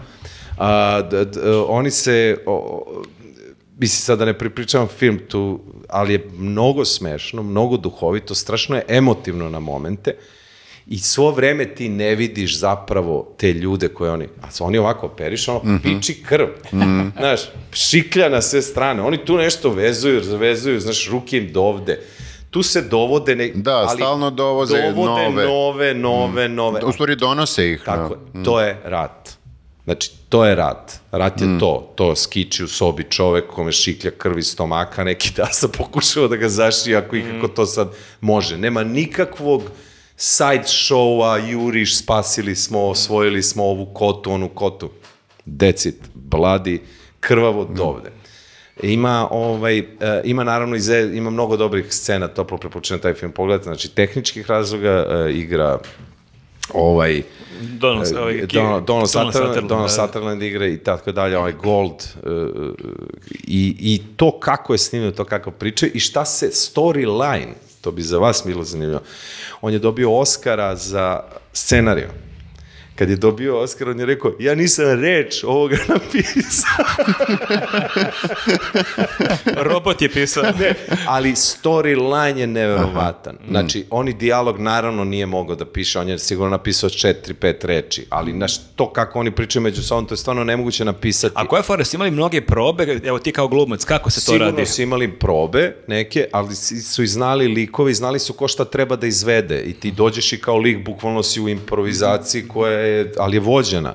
Znači treba, došao je novi doktor, ti mu kažeš, ej vidi, mi se ovde kupamo, ovamo ti je piće, a ovamo ti je ovo, a dok ovaj to govori, vidim, kupaš se sredom, ali piće nije dozvoljeno, znači u isto vreme mu sasipaju sto informacija, znaš, dok ovaj jedan tip kaže, ma nema ništa da ih slušaš, to je sve glupo, bre, brate, ja ću ti kažem kako ćemo da radimo, znaš, A mislim da Larry David radi tako, ovaj, odnosno radio Curb Your Enthusiasm, samo kr- da, to, crtice. Da, daš, mi znamo, ti mi znamo šta treba da se desi. To često bude jako zanimljivo. Ja kad sam radio ovaj neki film o filmu Munje, znaš, ja im nisam rekao, št, nego im kažem samo gde treba da stignemo otprilike. Aha. I onda oni igraju te neke, znaš, nešto, prosto se ponašaju u skladu sa tim. Da, Larry Ali storyline, znači on dođe, pa ovaj krene da ga smara, onda oni smisle kako da ga se reše, onda se oni njega reše, onda Hot Lips počne da ih zezva i naprave čitavu akciju kako da vide Hot Lips golu kad se kupa.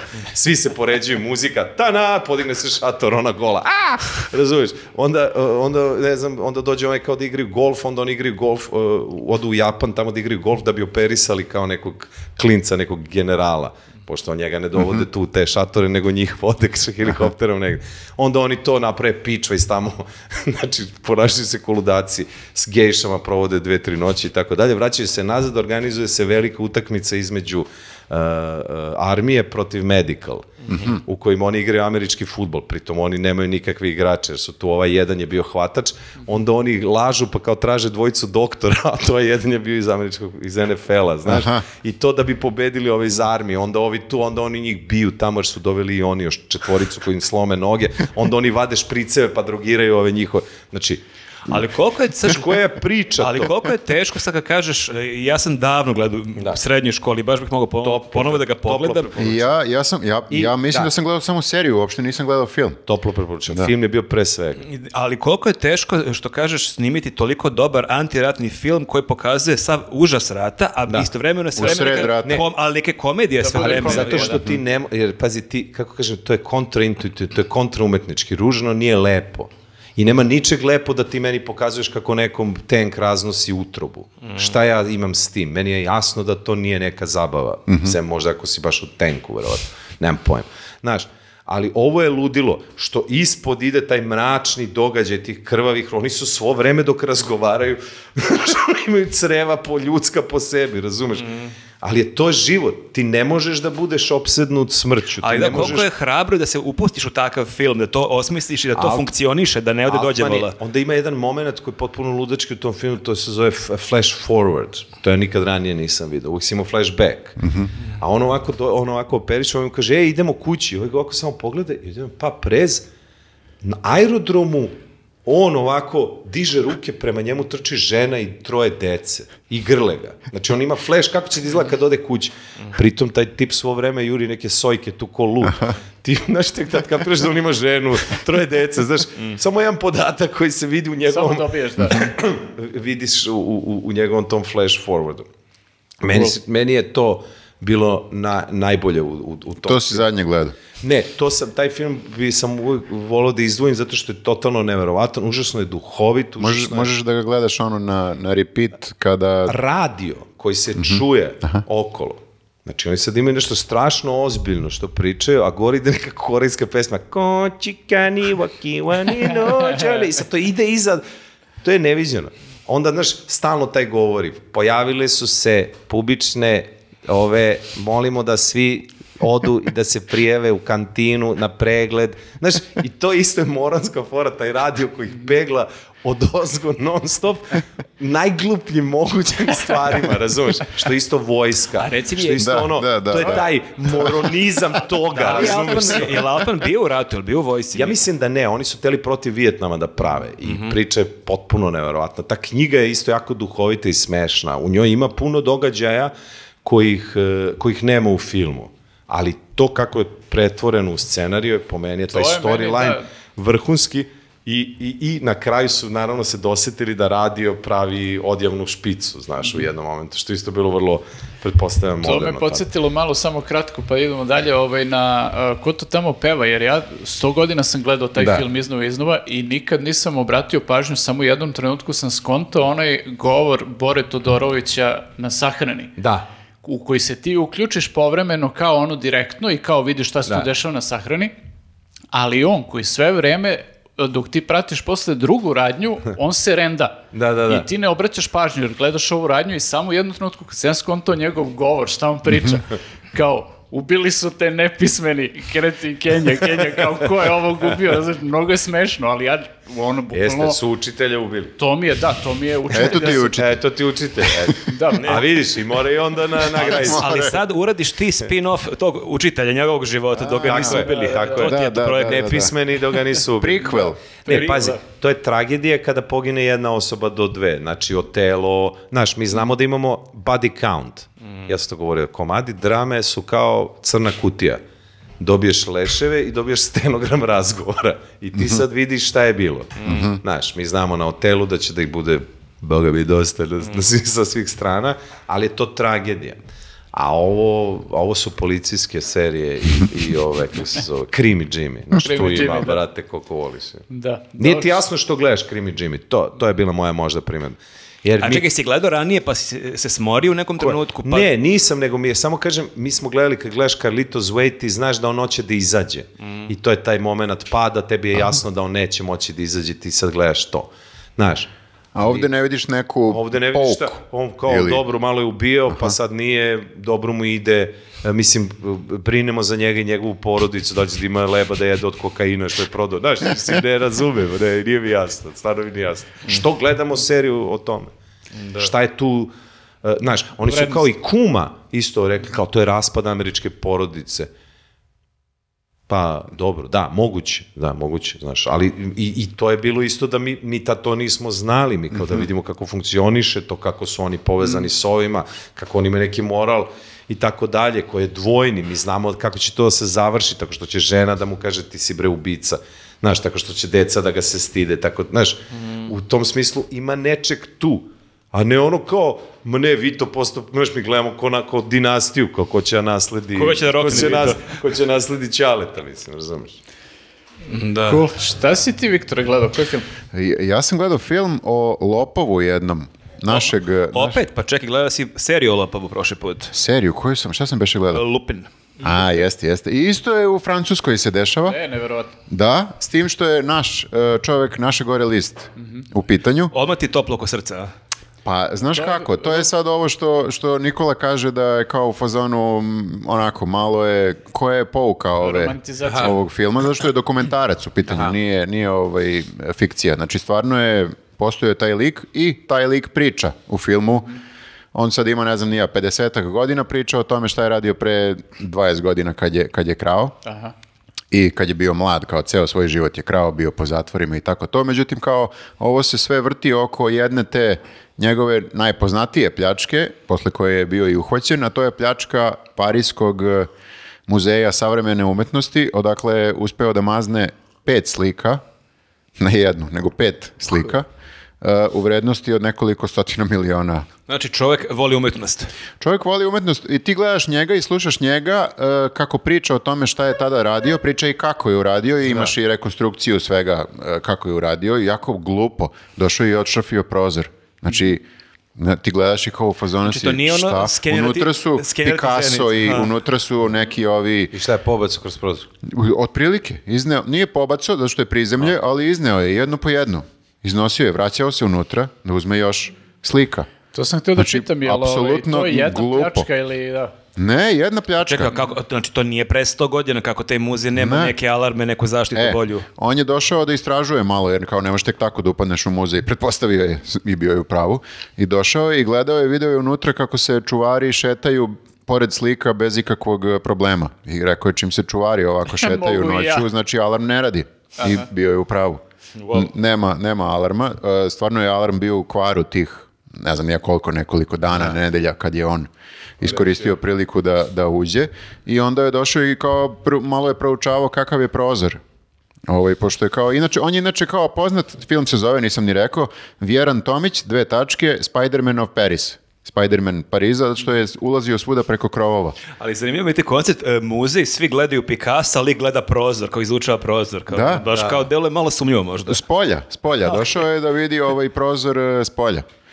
Noću je dolazio i gledao je kao gde ima da se uđe i onda je, i gledao je čuvar, jel tako? I onda je video kako prozor je manje više običan prozor, koji treba, jeli, malo je jače ušrafljen.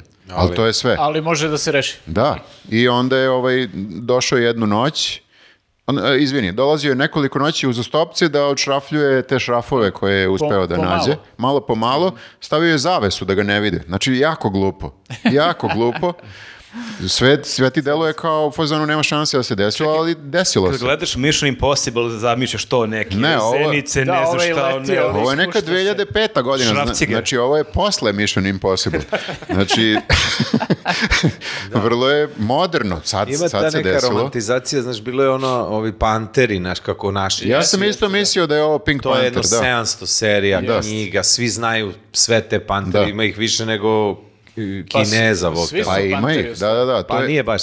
Znači, to je malo romantizacije, malo su svi ko, što su svi bili prvoborci posle rata, Da, razumiješ? da, da, sve- to je njihova, koliko sam shvatio, kategorizacija Interpola, da ih tako zovu, Pink Pa, Panther. bila je možda ta neka, Da. ali o, hoću kažem, i tu isto nema ništa sofistik, nema ništa od Ne, Pantera. nema, nema. Nego to je baš kao žovijalni naziv, jer oni uzmu ovaj kombi, nabiju se unazad u kartije, ulete, da, utrpaju ule- sve ulete šta autom u nađu i pobegnu, mislim, da. nije... Pink znaš, Panther su dobili naziv, izvini što te prekidan, zato što su jednog lika na početku, kad su ga uhvatili, sakrio je bio dijamant u pomadi, kao u filmu. Aha. Pink Panther i odatle je Interpol Pink Panther, Pink Panther i to, to im je postao... Zato što kao Pink Panther je u filmu kao to ninja koji se Jeste, spusti, da, izvuče a to Pa sve, da. ali A sakrije ovdje nema dijamant u ništa od pomadi. ninja, nego To je- Boeing, jer- Nemo, nemo, da, da, da. Ne, Bukvalno nije je... sofisticirano brutali, uopšte, da.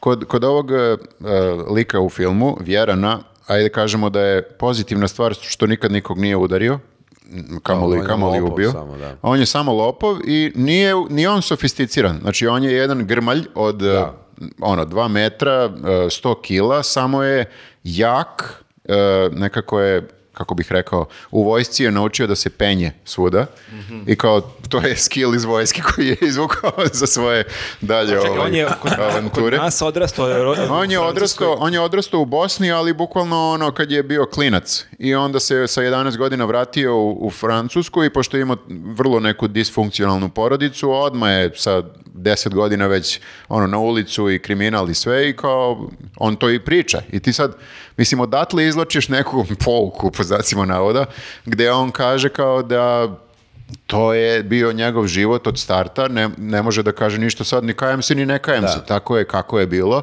to je to, ja sam krao od kad, sam, od kad znam za sebe, porodica nula, ništa od njih nisam nikad ono dobio, ne materijalno, nego kao ovako ljudski.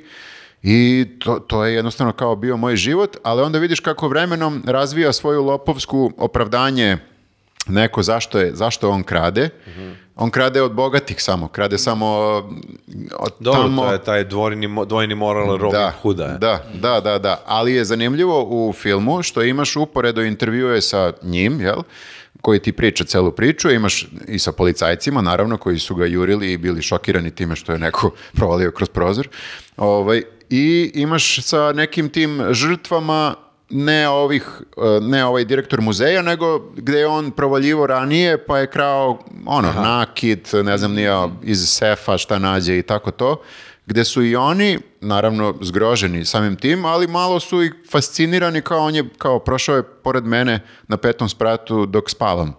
I kao, s jedne strane respekt, Malo i poštovanje. malo i poštovanja, a s druge strane jebi ga, kao ja u tom stanu, žena neka priča, kao posle toga nisam više mogla da živim, jer kao, ajde pare i šta god da je uzo, nego neko ti uđe u stan. Malo se osjećaš onako Sad, posle da, u njemu. pokažem neke slabosti A on, onda, onda slušaš njegovu stranu priče, a bogataši su svi kreteni. To je to. Znači, nema, to je njegovo Kaj- opravdanje. kaj- Kajanje nula. Da, kajanje nula jer on sebe doživljava kao Robin Hooda. A čime se on bavi sad, od čega živi? Pa sad je izašao e, nakon što je bio u zatvoru ne znam koliko godina posle te pljačke. Uhvatili su ga tako što nisu ga uhvatili na, na delu, znači on je te slike ukrao, pošteno.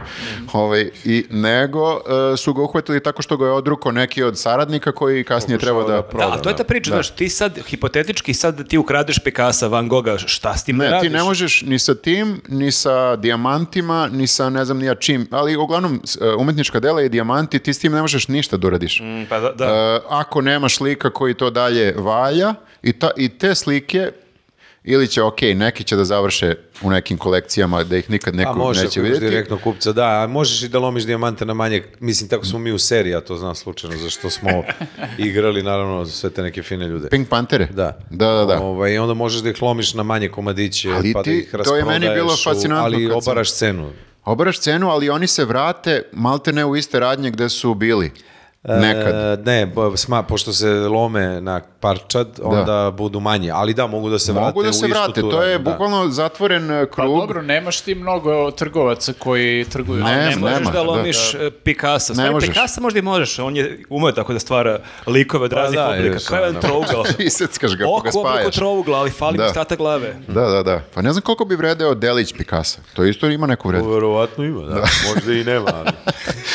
ne znam. Nismo Ne- nisam- najstručniji Nisam te stvari. probao, Da, da. da. Uglavnom, da. Ali nemoj da sečete decu Pikasa koji ima kuće. Ne, ne, ne, ne.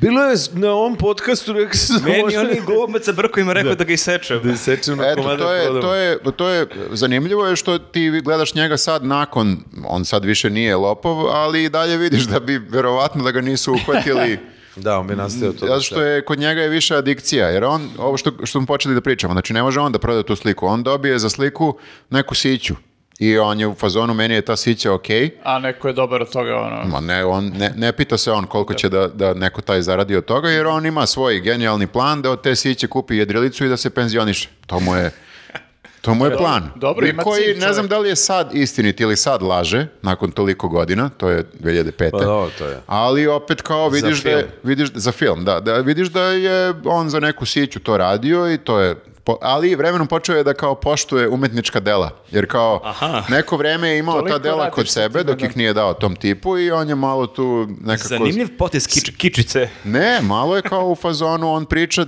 da je počeo da shvata zašto je to delo to Toliko- delo. toliko Da, vredno. Zašto je toliko vredno, da. I kao u fazonu je, Respekt, bro. vidiš da je, ono, Ali mogu je da ide, budi kod njega neke o- o- osjećaje koje ranije nije ali imao. mogu je da ide i u muzej da gledate slike, nije mora da ih ukrade. A njega je, njega je više radio adrenalin, ja mislim isto i tog upadanja, penjenja po krovovima. Pa kako ne, uopšte planiranja, gledanja. I on to i kaže, kao, ok, pare su naravno super, ali ja te pare odmah potrošim, meni je više... A ovo mu je ostane kao iskustvo. Ovo je- osjećaj. Zabava, da. Eto, i ovo je trebalo da bude zadnja pljačka, i bila mu je zadnja pljačka u stvari kad pogledaš, jeste, da. ali su ga navatali tako što ga je To odrukao. isto znamo u filmovima kao kliše, to je Jest, kao živi. jest, jest, E, jest. Da, momci, da, da. ovo je naša posljednja pljačka i ti kao. Veliki rizik. Da, naravno. Ovo će nešto Da, da. krenuti, dođemo. Da, da, da, da, da. Tako da, E, da, ja treba da dobijem dete. O, ne. Ne, brate. oh, no. Ti nemoj da ideš, ajde, odmah, odmah batali. Vidiš, u partizanskom filmu obavezno taj nagrad. E, eto, bilo mi je zanimljivo, kratko traje film, nije jedan od onih Scorsese sada da traje 100 godina, nego je, nego je ovaj, ono, normalno trajanje nekog, nekog filma i ok, dokumentarac je, tako da nije, ali ima tih jako meni zanimljivih momenta, prvo to, ta obezbeđenje u muzeju isto kao je, si u fazonu šta? Kako to moguće? Da. Gledaj, ti kad pomisliš, znači, 11. septembra, Da. Znaš, znači oni su tipovi došli najnormalnije, prošli sve A, najnormalnije, da, da, i sve to je- ušli unutra, imali noževe kod sebe i ne znam ti ja šta. Da, Razumeš? da, da, da, da, Ti da. kažeš, mislim, šta se promena? Pa promena se sad, skidamo babu u gaće, razumeš, i gaće skidamo, razumeš, ne bi Da. pre... Ono što nam se tada činilo kao život, život, bre, najnormalniji. Nekad se pušilo u avionu, bre. Da, da, da, da. Razumeš? Ne, i oni su sigurno promenili malo obezbeđenja u Čuš muzeju. Malo, malo više. Znaš, sad je to Stavili muka jači živa. šraf. Sad, sad stvarno moraš da budeš Tom Cruise. jači šraf Ne, ovo tako je- dalje. Tako da, da, to obezbeđenje, znaš, ono, sve gore i gore. Znaš, sad ti aerodrom postao najstrašnije mesto na svetu.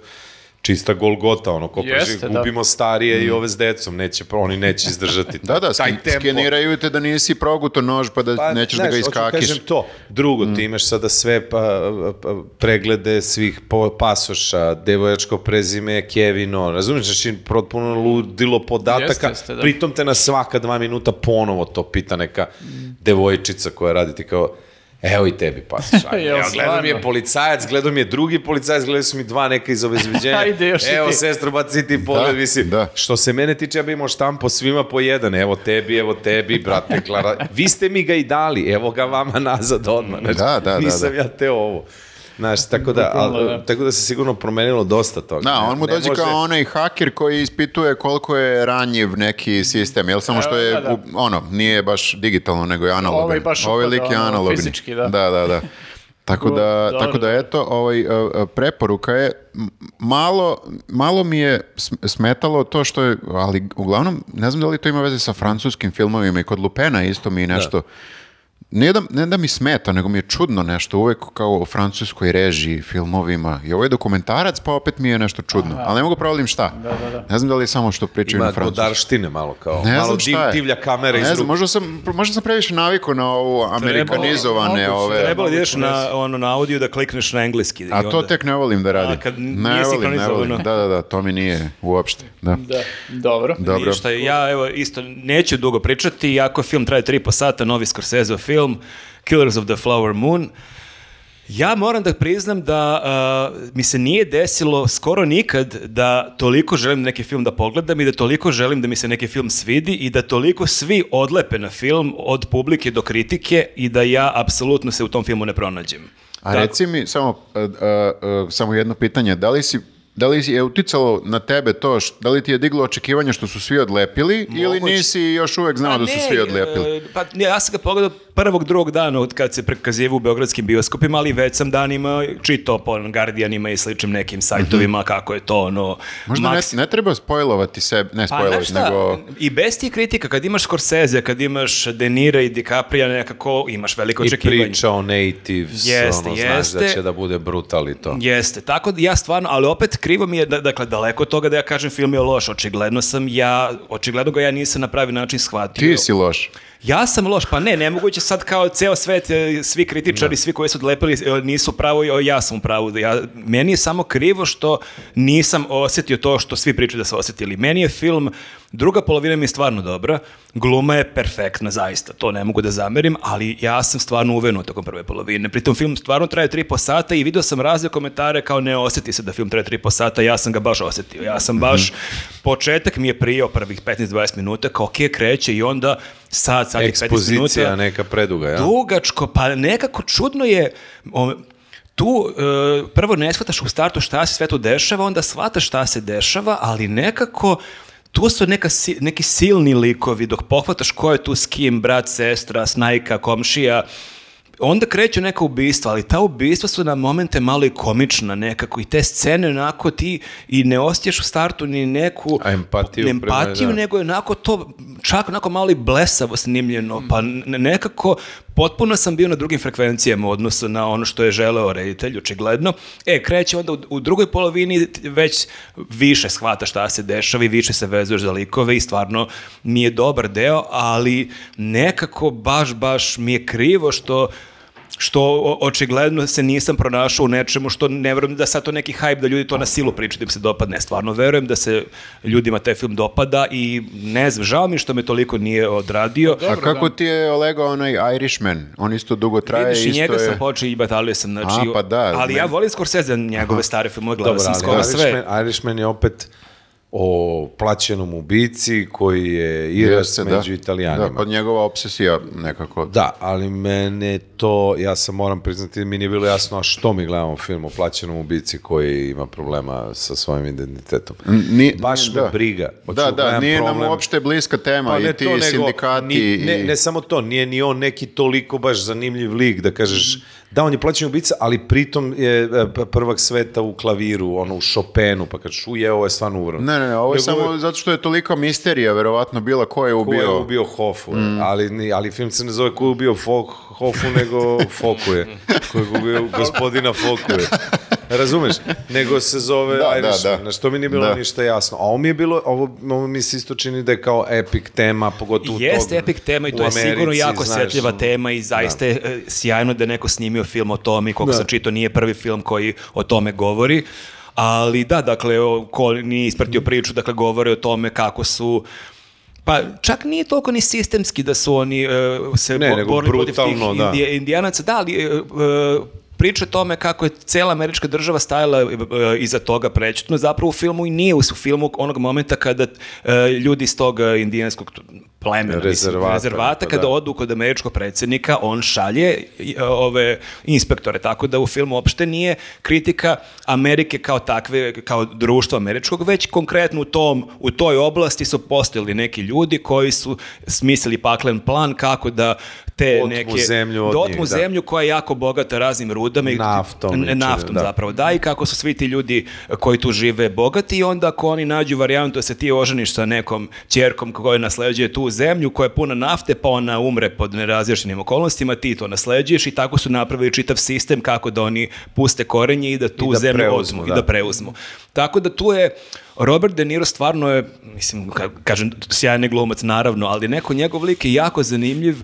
Cijel film je na prvi pogled onako isti, onako vrlo autoritativan, ozbiljan, namršten, onako neka delo kao očinska figura, ali kako film odmiče, vidiš koliko je on manu, manipulativan i DiCaprio je sjajan, nekako ti, kako film odmiče, vidiš koliko je on zapravo naivan i glup i Da. oni su stvarno sjajni, ali Ne znam da li je film možda za mene bio predugačak, ali mi se čini da, je ta, da s tom prvom polovinom nešto nije u redu. Bar meni nije prijela, ali evo, ograđujem se, dakle, Pa dobro, da, očigledno sam ja u manjini, tako da stvari- gledajte film u svakom slučaju. Da, neke stvari ti prosto ne legnu, mislim, to može se desiti sa filmom, sa muzičkim albumom, prosto... Mara, marakija pa ti ne legne. Pa, A kamo neki Scorsese. Kamoli Scorsese Scorsese tri po sata. Scorsese- Scorsezovača. Ovaj, dobro. Uh, Jel prelazimo na knjige ili na muziku? Mo- možemo Šta, na- Johnny, želi da pričaš, knjiga ili muzika? Sve jedno, kaži šta je po redu. Nemoj da ja me remetim. ovdje. Šta ti mo- to tu, bre? možemo knjige. Možemo knjige. Kignje. Oj, Ovaj, Kignje. Kignje. Pa ja sam odabrao jednu knjigu koju se meni jako dopadala, ono, to je Marquez i zove se Jesen patrijarha. I to je ovako, Marquez ima ono 100 godina samoći tako, to su poznate knjige, a ovo je možda nije toliko poznata, ali mislim da je prosto čaroban prevod sa španskog. Ja španski ne znam, ali šta je čarobno u tom prevodu? Ta knjiga ima ukupno četiri tačke u sebi. To je jedna ono knjiga koja počne i gđu, gđu, gđu, i ono samo pričaju ljudi, Marki se to čudesno napravio, sto, stotine ljudi ispriča skoro sličnu priču, samo iz svih svojih nekih uglova, ima dosta toga rašomona i tako dalje, a Jesen Patrijarha je u jednoj latinoameričkoj e, g- zemlji koja živi negde blizu mora, patrijarh umre ili ti glavni general, kako ga oni zovu. E, umre, ali tek kada su se lešinari osmelili da probiju predsjedničke prozore, Raja je smogla hrabrosti da uđe u predsjedničku palatu. znaš, tako počinje, znaš, kako lešinari probiju prozore, jer toliko smrdi lešina iznutra, a ovaj niko nije smeo da uđe, a pita generale, kako ste? E, jeste dobro, da. E, i to je ono ludilo, to je taj, pa, onaj njihov poetski realizam, onaj taj, to je... Magični realizam. Pa i magični, da, i poe, da, poetski više italijanski s filmovi, upravo si da. Znači, magični realizam. Ima kad general proda more strancima. Mislim, stvarno... I moram priznati, sam čitao Markesa, nekoliko knjiga nisam čuo za ovu knjigu. Kada je to Taj- izašlo kod nas? Pa, ja, mislim, vidim da je staro izdanje, Aha. pošto sam ja kupio dva, dve obe Kako se knjige. jako zove, izvini? Jesam patrijarha. Ok. Ovaj, mnogo je zanimljivo i tako taj stil njegov, to i to, i taj pintoresni život ovaj, Južne Amerike, ima neke sličnosti sa nama, bratski narodi Latinske Amerike, ovaj, ima nekog tog ludila, samo što su oni još luđi, još je to sve Pa su dobro, južna hemisfera, oni su južni. tri put sumanuti i tako Imaju dalje. i more, to je isto utiče. Ko je prodao je strancima. ovaj. I onda stranci... Imali I to su isto more. E, utiče. I onda stranci dolaze i odnose. Znaš kako to kod Markesa ide sve je normalno, normalno i onda ovi dolaze i odnose šta- more. šta je sad ovo? I sada to zjapi neka rupčaga. Znači, to je sumanuto, znaš, ono, sumanute su te stvari. dobro, njihovo A, more. ne, a, ovaj, a onda general kaže, mene ide dođe, ali nikad ga nisam ni volao. Nisi ga ni koristio koliko je trebalo. Ne, kao on je uvijek bio iz brda, znaš, on je od te Aha. grupe što su došli iz brda. Brđani. Ni brđani. Nikad nisam ni volao more. A, ovaj, I zanimljivo je to, ba, baš je ovako ludačka knjiga. Eto. Kepa, cool. A, Dobro. Teo sam i da vam se hvalim jednom pričom, možda ne zanimljivo, što ima veze. To što su neke ribe kod nas, kad smo bili momci, znaš, kod nas na gajbu i se gledaju knjige. Hrvatice? Ne, neke ribe ovako. Ovo je s Novog Beograda. Eto, a, egzotične cice. Iz blokova. egzotične cice s Karaburme. Ovo, znaš, u tom smislu, i sad one, bi- bio, ne znam se sećate, onaj Marquez je bio, ne, ne Marquez, nego ovaj Hesse, Hesse. što se videla ona glave, onako Ja sam sa kao mali mislio da, da je to Tito. Ličilo je malo na Tilo. Jeste, ja sam ubeđen da je to Tito. Isto, Tito isto, od da. bronze. Isto. Onako bela knjiga sa bronzanim likom. Uglavnom. Jeste. Ja vidim ova jedna od tih devojka koja je bila jako lepa, ovaj, gleda te knjige niko ne sme da je priđe koliko je ona lepa, znaš, i sve. I ja ovako, pa ja sam bio mlađi brat, ja kao, ćao, kao, voliš Hese? Ona kao, da. Ja nisam volao Hese zato što su sve nightmare hippie girls, ono, sve su ribe volele Azru i Hese. Ja sam bio sa zone, ovo nikad neću teti da gledam i da čitam, znaš, ni da slušam. Ali ona je ali, bila mnogo ali lepa. kad sam se posle vratio, naravno, mislim, glupo je da ja pričam da li je Hesse dobar ili nije, nešto je dobio Nobelovu nagradu i tako dalje. Ali u to doba ja sam, ali ja sam znao naslove. I sad ja znam ima Stepski Vuk, ima uh, Igra staklenih perli, čitala Sidarta. Demijana? Demijana, Sidarta, ali to sam znao da su, da su highlighti, jer su i te knjige bile prljavije, vidio sam da su ih moji uzimali Više češće. su čitane, da. Ali ovamo, skroz desno ima jedna knjiga koja, ja kažem, a moja omiljena njegova knjiga je pod tačkom Gertruda. I to je ovako prva, ja mislim, bila.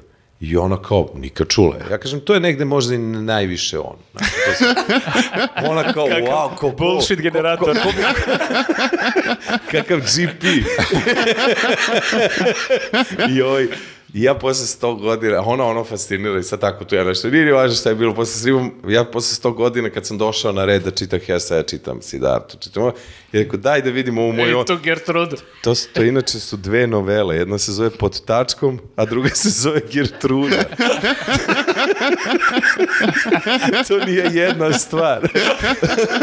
Pod tačkom Gertruda, moj Pa omiljen. jasno. O- ovo je, da, ovo je bila situacija gde ima jedna prazna puška i oboje se plaše ono od nje. Tako da, Jedna prazna, Jeste niko- čudan jedna naslov. prazna glava. Da, niko Čudan zna naslov, Tačkom da. Gertruda, vidiš i nju je. Ja sam Može s- da prođe pod ja tačkom posle razmišljam šta bi bila knjiga koja se Da. tačkom Gertruda. Znaš, pod tačkom razno. Da. Pod tačkom Gertruda. Ili, Pa ima smisla. ili je najbolja ili najgora knjiga, nekako ne može da bude između ništa. E sad ne znam da li je ona ikad saznala, A kakve su novele, jel ono? Pa, pa Gertruda je o toj ženi nekoj, ne? a pod tačkom ja ne mogu se setim nešto, ja mislim da je čak u vezi pisanja. Aha, Znaš. čito si suprotnim redosledom. Gertruda ne, po mogu- tačku. Ne, ne mogu da se setim, nego kad sam, kad sam prvo vidio sam se gušio od smeha nedelju dana od radosti i rekao, mogu misliti onu ribu kad jednog dana kao, Ne, ne, ta devojka već 30 godina priča, ej, on je Đuričko, ko je on džiber, ladno mi je prodao priču. a nije, ali ili možda kaže, meni je njegova ipak omiljena pod tačkom Gertruda. Da, možda nije do, možda nije do sad Ona- pročitala. Možda nije. Ako gleda ovaj, širi i dalje ako priču. gleda, ako Da. gleda ovaj popkaz, žao nam je što si živjela u da, iluziji da. sve ove godine. A Johnny pojma nema, zna samo naslove. pročitao knjigu i u fazonu, ovo je nešto najgore što sam pročitao u životu. A dobro, jel valja i ole te dve, te dve novele, Ne, ne mogu okej? da kažem, ne mogu da se, da, da se setim nešto. Mislim da ta Gertruda mi je ostala više u, u sećanju kao nego potačka. Ali ja sam dosta dugo u životu zapravo čitao naslove knjiga. Hoću da kažem. Znaš, recimo, sećam se bio From strah od slobode. Aha. Znači, ja nikad nisam čitao tu Derek knjigu, da. ali sam u kasnije u životu u jednom momentu stvarno bio su zna, a mislim da razumemo čemu mi mogla bude ona ova knjiga. razumeš? 100% je Nemam šta da čitam. Da, da, da, nema šta. Ja, a, a znakovi kraj puta je bila možda jedno najveće razočarenje u mom životu. E, Ja sam očekivao uh, da će Ivo, stari Nobelovac, znaš, da nam da, zna, da će da nam da... uh, Saobraćajne znake. Pa ne, nego walk through.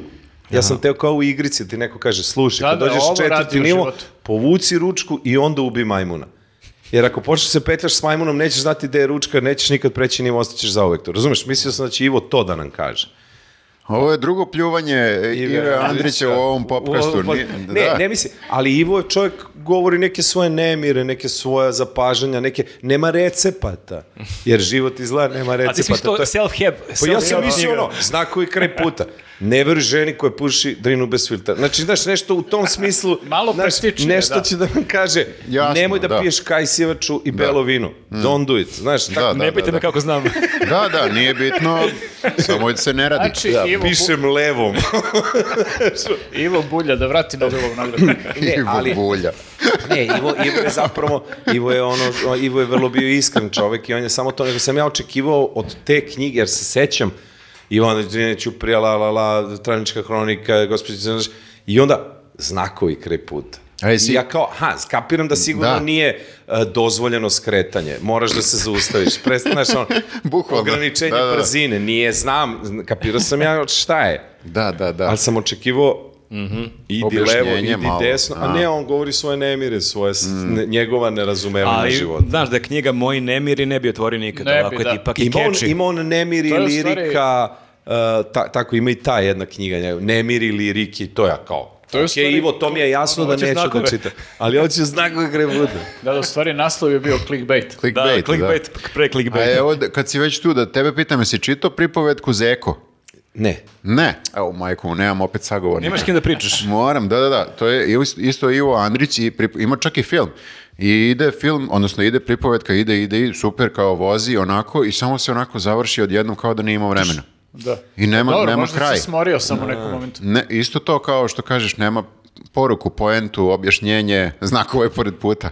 Nema, dobro, dobro. A, samo sam, mora, mora morao sve sam da da- proverim da li ovaj... Ali preporučujem u principu ljudima da se vrate na neke knjige, recimo to Drinar Ćuprija, znaš, te neke stvari koje si bio ono, evo, školska, neka, znaš, peglaja, To ti je bilo dosadno tad, I onda, ali sad je ne, da... ne samo to, nego, znaš, ti, ono, stvarno dobiješ taj novi nivo, jer ako je dobra knjiga, a dobra je, znaš, Jeste. ono, neminovno ti dobiješ neku novu... Klasici su klasici sa razlogom. To je, Jesu, eto, da ali- moram i tu da se složim sa Jordanom Petersonom. Jeste, ali mo- možda je malo problem što ih često čitamo prerano. A da, i imaš obavezu. Ja nisam, Da. ali ja nisam volao da čitam lektiru jer kao imam rok do petka i onda mi se sve Ali, čita osim pazi, toga. Sećaš se, ne znam, Salinger, to je kao bilo must, obavezno Jeste. skoro.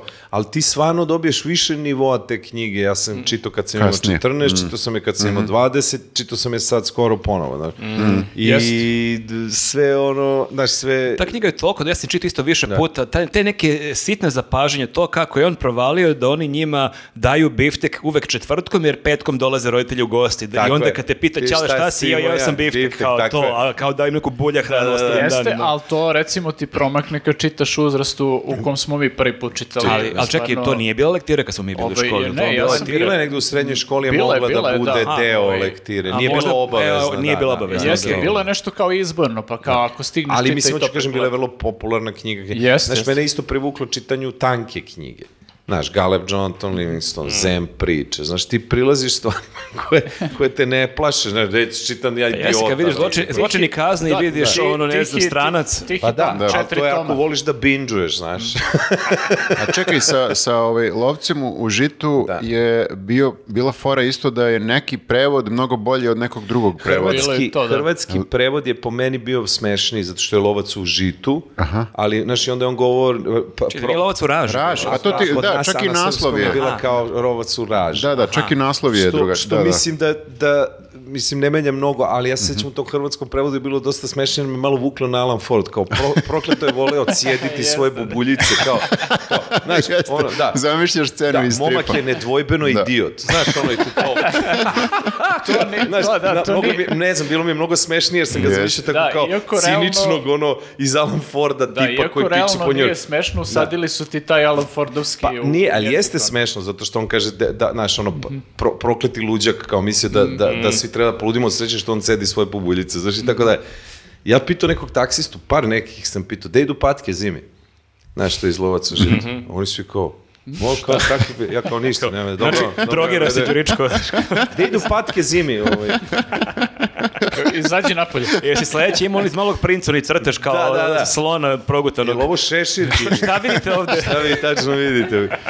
Ne znam Tako da idu da- patke zimi, ali znam da ide Đuričku sad Ti peške. ideš da na semaforu ideš pešaka. Ali koja je isto dobra knjiga koja me prilično potresla? Onaj put, onaj McCarthy. A, da, da, da, da. Jeste. Ja nisam čitao, imam je već neko vreme niko da pročitam. Toplo preporučujem, imaš decu?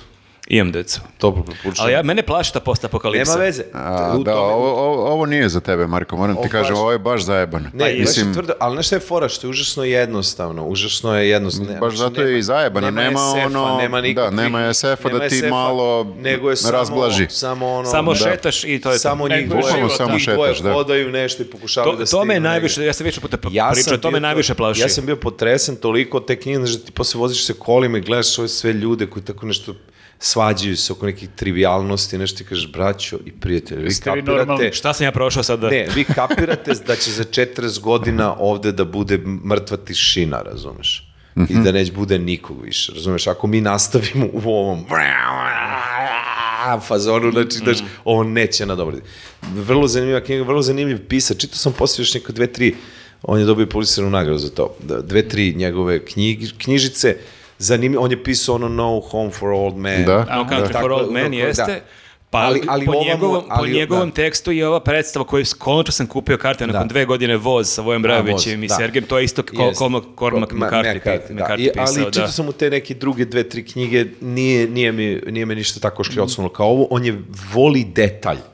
To je jako zanimljivo kod pisa. Znaš, on kad objašnjava kako našli su staru mašinu za konzerve i onda on objašnjava kako Ćale prilazi, pa je gleda, pa zavlači ruku, pa mehanički pomeri. ovo. Znači, strašno lepo ima te i dirljive taj moment kao, našli su konzervu Coca-Cola.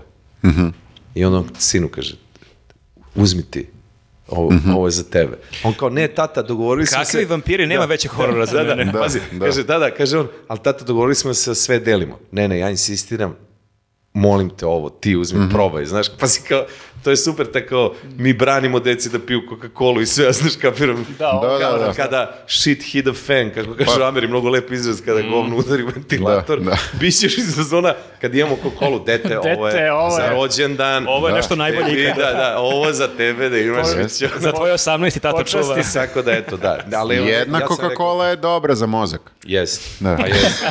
Pa da. Jedna, da. Ali bukvalno jedna. Dobro.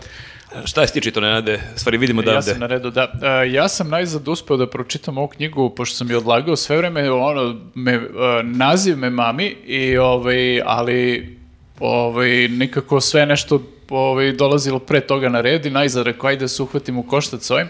E, Zove se autor kao Tessa Mošveg, e, zove se knjiga Moja godina odmora i opuštanja. I govori knjiga o jednoj devojci koja je onako mlada, lepa, perspektivna, uspešna, radi u nekoj galeriji mondenskoj u Njujorku. E, ona je inače nasledila od roditelja neke ove velike pare i realno ne mora ništa ni da radi, a može da ima lagodan život. E, međutim, ona je onako ovaj, e, na dosta nekih nivoa, ovaj, da kažem, oštećena, ima razne neke ne toliko dijagnostif, dijagnostifikovane e, ove psihičke probleme, ali ima razne neke svoje demone, nemire, e, nije baš dobro sama sa sobom u glavi, ništa je ne zadovoljava u suštini, jako je cinična e, prema ljudima, e, posao taj koji radi, radi zato što kao negde ono, ovaj, joj se pružila prilika, voli umetnost, to je nešto što je kao onako ovaj, motiviše, ali generalno i da taj posao ne radi, ovaj, ne, bi, ne bi ništa kao ovaj, osjećala da je izgubila nešto. I on u jednom trenutku dođe na ideju, pošto je kao taj svet koji okružuje njoj potpuno nezanimljiv i ne, on ne dotiče nikako, ovaj, ona dolazi na neku suludu ideju da se povuče svega toga na godinu dana, da odu u neku hibernaciju, a sad hibernaciju ona zamislila tako što će da uh, nađe doktorku sa kojom će da priča i da joj objasni svoju ideju i da ovaj, uh, ne do kraja da objasni ideju, ali da dođe do toga da joj doktorka prepiše neku terapiju, da ona tu isvikuje kako je psihički ovaj, ovako i onako, uh, da joj doktorka da neke lekove koje će ona da koristi tako što će da prespava godinu dana. Malo se opusti. Jeste malo da se opusti, zapravo da prespava godinu dana i da, da posle toga, ona je zamislila da će posle toga kao potpuno nova osoba da izađe u, u vanjski svet i da će taj svet da joj bude potpuno drugačiji. samo se naspava lepo. Ovaj, pa ajde, tako može da se kaže. Ja je razumem sad. Da. Ili ima malo dete možda? Uglavnom, ona krene u reali- realizaciju tog plana i, e, međutim, kako je ovaj, krenula da spava, da se kljuka tim tabletama, a kljuka se nenormalnim količinama da raznih tableta. Jedna je za ovo, jedna je za ono, pa sad jedna tableta je uspava na ovoliko, druga na ovoliko. ovaj, Jedna će- poništava drugu. Jeste, sve, ovo, ima tu dosta problema oko svega toga. I plus ima tu drugaricu jednu koja je stalno nešto, ona je distrakcija ta drugarica, koja je stalno nešto tera da rade, dolazi kod nje pa i umre majka pa on mora jel, da ode na sahranu njene majke. Uh, I uh, kad je krenula malo više u tu hibernaciju da, da se time bavi, uh, ona samo u jednom trenutku shvati da njoj uh, prosto telo ovaj, ne da, da da da to radi baš kako je ona zamislila, tako što prvo počne da mesečari, da radi stvari u snu potpuno i to je došlo do toga da je ona bukvalno izlazila napolje, potpuno u snu odlazila do dragstora u koji odlazi ono, redovno i odlazila je u neke ono šetnje, ne znam ni ja šta, uglavnom sve radila, o, gomilu stvari je radila i u samom stanu i vani, ono, bez da je svesna toga. Samo se probudi i posle iz nekih segmenata skonta šta je sve radila ovaj, e, u snu. Uh, umeđu vremenu ti upoznaš nju, ima nekog ovaj, uh, dečka sa kojim više nije, koji je kreten, ali ga ona nikad nije prebolela, naravno, kako to obično ide i ovaj, skontaš njene odnose i sa njim i sa tom drugaricom i sa roditeljima koji su oboje preminuli. Ovaj, I na kraju ona kad ovaj, je videla da, da ova, to tako prosto ne funkcioniše, odlučuje da se potpuno ono e, izbaci sve iz stana, da se zatarabi potpuno u stanu i da samo bude pod nadzorom jednog svog e, prijatelja koji je sad jel umetnik i došao je da, da, na ideju da kao, ok, ako ćeš ti već da hiberniraš uh, šest meseci kao je bila ideja, ajde kao daj meni, pošto sam ja umetnik, da snimim neki dokumentarac ili neki film umetnički o tome i kao da... O, baš bih gledao film o nekome ko spava šest meseci. Ali, Ali znaš me šta, sečari. Da, A, moraš, okej. moraš da imaš u vidu, to je ovaj, jedna tema knjige, da je to umetnička scena u Njujorku koja je toliko... Uh, Vogue. um, ajde da kažem, dobro, kao degenerisano e, već. dosta, dosta je bizarna. Ajde Ne voli East. Coast, ovi West Coast League.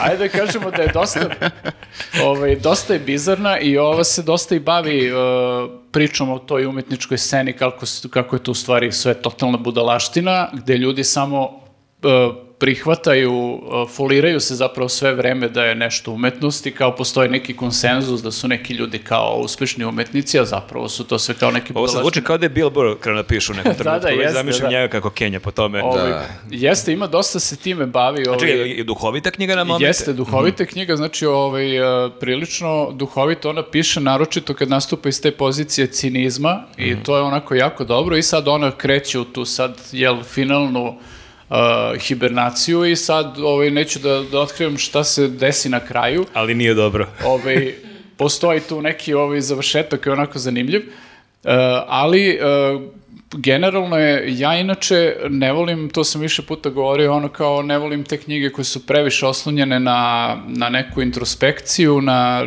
knjige u kojima se ne dešava baš puno toga, ovde se stvarno ne desi puno toga, ali ova žena toliko dobro piše da te zapravo baš onako vozi.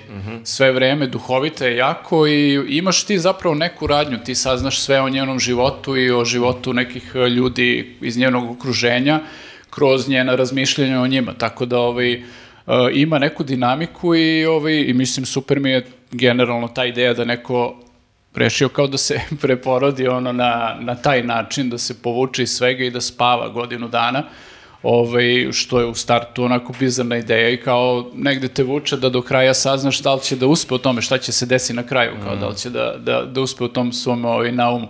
Tako da eto, mislim, do, ok knjiga, ovaj, nije nešto sad da kažem, Na tvojoj skali od tri balona? e, Koga skala?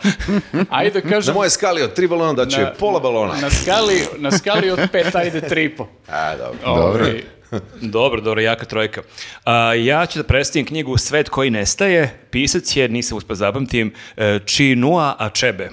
E, pisac koji ne treba... Ne treba, Ne treba posebno ne treba posebno predstaviti. predstavljati.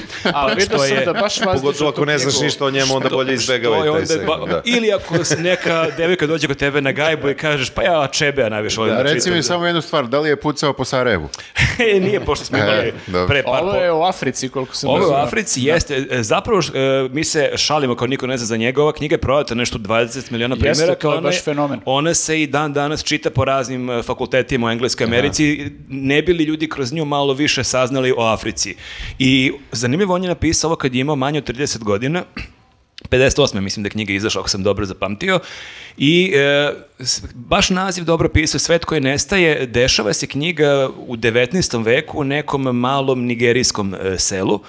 I ono što ja volim kod knjiga je ili kad te neka knjiga geografski prebaci u neku drugu e, lokaciju ili kad te istorijski u neku drugu epohu vrati, a ovo i jedno i drugo čini, jer šta ja znam o životu u malom mestu u Nigeriji i to, 19. i to pre 100, 300, 50 godina. I e, prva polovina knjiga on, prati kroz jednog glavnog junaka, sad zaboravio sam kako neko ime, kako se zove, ali nije ni bitno, o, Okonkwo.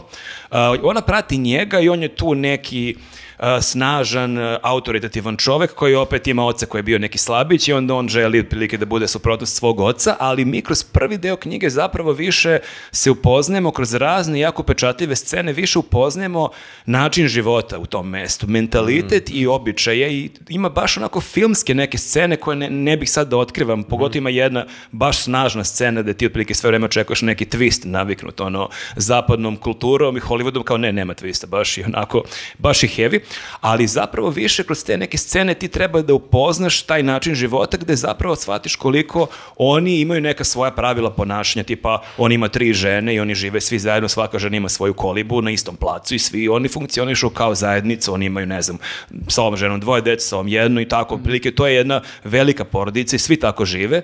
Ali aj to što ima tri žene, nego što čitavo to mesto strašno mnogo polaže na magiju i na to šta će neki lokalni vrač da kaže i to su neka nama deluje sumanuta pravila koje oni uopšte ne dovode u pitanje. Da- Znači, ako to uradiš, ti moraš sad, ako si to uradio, tebe pr- proterujemo na sedam godina, palimo ti kuću, mi ti dalje volimo, ti si naš komši i drugar, mi jedva čekamo da ti vratiš nakon sedam godina, ali takvo je pravilo ko smo mi da ga dovodimo u pitanje. A sve to čini mi se da je pisac uradio baš da bi to bio kontrast u odnosu na drugi deo knjige, kako sam naziv kaže, taj svet se ruši i taj svet se ruši tako što dolaze Britanci i oni kolonizuju taj deo i sad uz Britance dolazi i hrišćanstvo. I onda kreće otprilike taj drugi deo knjige treba da nam prikaže kako ti ljudi koji generacijama žive kako žive, kako se oni suočavaju sa hrišćanstvom, sa Britancima, sa nekim njihovim pravilima, sa njihovom policijom, vojskom, pravosuđem i otprilike koliko njih je spremno da se prilagodi, koliko želi da se prilagodi milom ili silom, koliko njih počinju da veruju u hrišćanstvo, a koliko taj glavni lik koji je onako kroz celu knjigu je neki mačo, lider, alfa mužijak, koliko on ne želi da se prilagodi, koliko on sa setom se seća nekih starih vremena i koliko kroz celu knjigu, pritom je jako smešno, ovo je 19. vek, kroz celu knjigu proveva taj njegovo, njegov strah da ove mlade generacije ništa ne valjuju. Kako u naše vreme znao se red, bio je čast, moral. Malo je podsjećano na film, isto. malo je podsjećano na posljednji samuraj, onaj moment kao film sa Tomom Cruiseom, kad ti samuraji, otprilike, kako se oni suočavaju sa nekom novom vojskom, oni imaju svoj neki kodeks, ali kao to više ne funkcioniše, ali oni neće se odreknu. E, takav je on otprilike kuka kako mi, naša generacija, mi smo bili pravi muškarci, a ovi naši sinovi su katastrofa. Tako da zaista je knjiga je malo, ima manje od 200 strana, čita se za nekoliko dana, jako lepo piše i zaista ovako otkriva jedan potpuno drugačiji svet o kome pretpostavljam da mnogi, mnogi od nas ne znaju skoro ništa, a da, inače izdavač je e, Dharma, Dharma Books, koji uz ovu knjigu, koliko sam vidio, ima još nekoliko afričkih i afroameričkih pisaca, imaju čitavu jednu ediciju gde pokušavaju da nam predstave književnost iz tog dela sveta koji opet mnogi od nas priznajem i ja, nisam previše čitao, tako da zaista obratite pažnju, krenite od ove knjige, a pretpostavljam da i ostale knjige koje su iz ove edicije treba pročitati. Super. Viktor je neka audio knjiga. Naravno, kako znaš. Kako drugačije? Da, sva, shvatio sam zašto ne mogu da e, čitam knjige, knjige. Skapirao sam konačno. Mislim, verovatno je kao, svi su skapirali. Slova. jel- Da. Slova. Ne Ali vidiš dobro. slova, pa, e, problem je što kad imaš malo dete, dosta, dosta ovaj, kako, kako bih rekao, vremena ti ode u gledanju deteta. On za sve krivi dete. Ti moraš shvatiti, Dokle Nikola, on bukvalno da- godinu dana priča da mu je dete za sve krivo. Ne, ja bi mogao možda da pročitam pravu knjigu jednu, da- a kad bi samo knjigu imao, Evo, ali ovako ti- imam film, seriju, ne mogu. Znači, odu mi oči mi odu na film i seriju. Umore ti se oči. Istrošiš. Ne, umo, da. ne umore se, imam određeni procenat kada mogu da gledam nešto što nije dete. Da. Znači, moram da gledam dete da ne bi palo. To je, Tako je. jednostavno.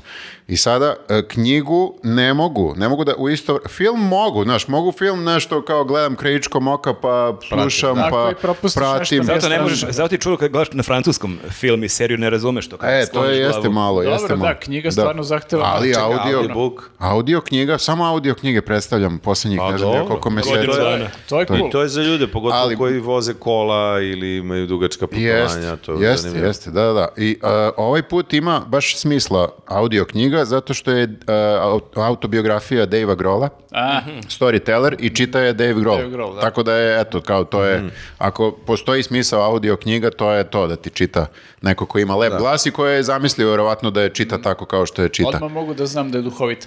Jeste, duhovita je i, uh, i, i, i, i on lepo piše, jako lepo piše i naravno da je njegov život zanimljiv, mislim, samo to što je, jeli, kao, U dva najveće benda. da, ajde tako da, da kažemo, sve je to zanimljivo i kao želiš da znaš kako je došao dotle, kako se desi da budeš tu pa tu. I dobra je struktura knjige u smislu da ti daje, Njega smo videli na ulici. Stvarno. Ili smo u Da. istom klubu zajedno. Da. ali je ništa kao Dave Pa meni je bilo glupo da... Pa, da, E, da, sad slikaš ti, jel pređeš nekome U mal, stali smo, Bre- ovaj Gelman, Brett Gelman i ja smo ga videli ispred kao da li, Uh, je nešto su već neki davili, mi smo bili sa zonu, aj nema veze. I, A, i dobro, onako dobro. smo u istom, unutra ćemo sad da uđemo, a to je mali klub ovako, pa kao to će bude i on. Da, da, da. E, da. onda valjda glupoti kao da sad tu nešto. Ali ja sam bio su ako bi se ne... S A jesi nekim startovao nekog u LA-u da slikaš? Jedino kad sam bio star, ono, kako se to kaže, ono, zaslepljen zvezdom, sam vidio Tom Morella iz Rage Against Machine. Aha, ovaj, ispred obdaništa nekog, mi idemo u škola, mog sina je malo bila tu dalje, ali peški, što je dosta redko za LA. I ovako ja idem i kao, I deca moja kao, tata smiri se, znaš ko je ovo, to maestro, ovo kao, dobro je, znaš, u redu je Johnny, smiri se, znaš, ali bilo to i Beyoncé i to, ali ja nisam nikad toliko bio ovaj, uzbuđen, ovo je bilo kao, to mu reali strečke su se, deca kao, dobro je, tata, u redu je, smiri se.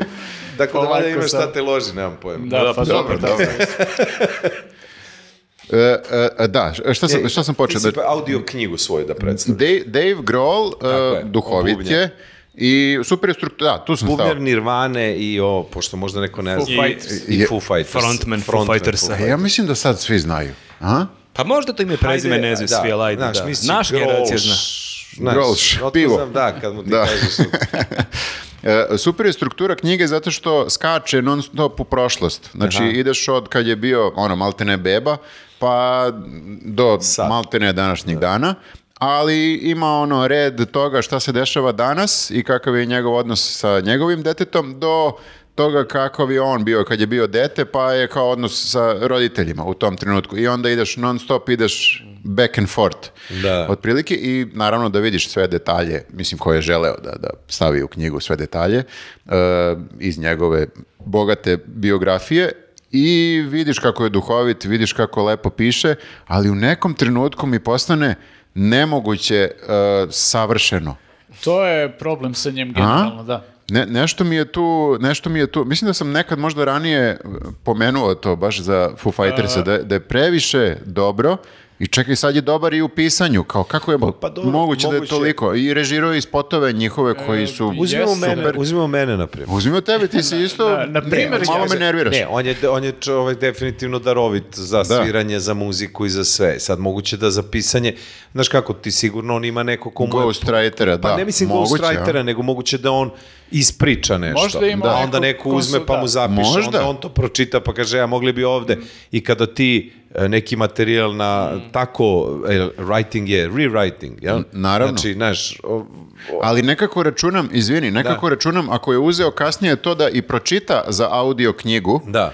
Da je verovatno onda ne bi čitao onako kako mu je neko možda složio. Ne, ne, ne, siguran sam da su oni to uh, uh, pisali, prepisivali, dodavali i sve. Siguran sam da je on autor toga, jer on je takav tip. Da I ne da je dao bi- svoj krajnji pečat. Dao je okej. sigurno da. svoj Da. krajni pečat i moguće, znaš, da je sve i on napisao, nego da je možda čito kao audio, pa onda neko to uzme pa poređa. Pa mu kaže urednik, e, ali pošto stalno mešaš teme, ajde da uzmemo to kao ideju, slobodno skači, nemoj da ideš Dobro, hronološki. svaki pisac Idi- ima urednika, da, mislim, da. Pa neko, ili nekog drugara, ili neko ko ti malo odbije temu i kaže ovako, onako. Siguran sam da mu niko nije pisao, Da, da, on je- ali sam siguran da su dobro se potrudili da bude to što kažeš Jasno. savršeno. Jeste, Jasno, ali jasno. on je, on je, mislim, e, sa te strane to oko samog pisanja, on je perfekcionista generalno i Da. onda kao pretpostavljam da je baš dosta vodio računa ono, o, o poslednjem slovu, kao kako će to da izgleda, ali sa druge strane stvarno ti imaš i taj moment da je on e, kao lik i to je najčešća zamjerka koju ja čujem od ljudi kad vidim da nekog nervira Dave Grohl, kao to je, brate, ko može da bude ovako gotivan lik? Jer on je, znaš, taj lik koji polomi nogu, razumeš, i onda sa polomljenom nogom uh, završi to ima nastup. u knjizi, da. Izvede klinca na scenu, da, mu klinac svira pesmu, uh, radi sve te gotivne stvari, a pritom je toliko hiperaktivan i učestvuje u gomili bendova, pre svega, ono, ovaj, sarađuje sa njima. Da. I to često budu jako dobri bendovi, jako dobri projekti i plus ima svoj matični bend koji je sve vreme kao tu i I Ameri imaju nešto što, znaš, ono, ti budeš, ono, budeš im uh, njihova hani, ono, znaš, oni se zaljube u tebe i prosto David se na toj poziciji, znaš, on je rock'n'roller i on sad stalno, nisam ja ni good guy, to često imaš njega da izgovara, nisam ja good guy, ja sam ipak bubnjar nirvane, bre, razumeš, nismo mi neki fi...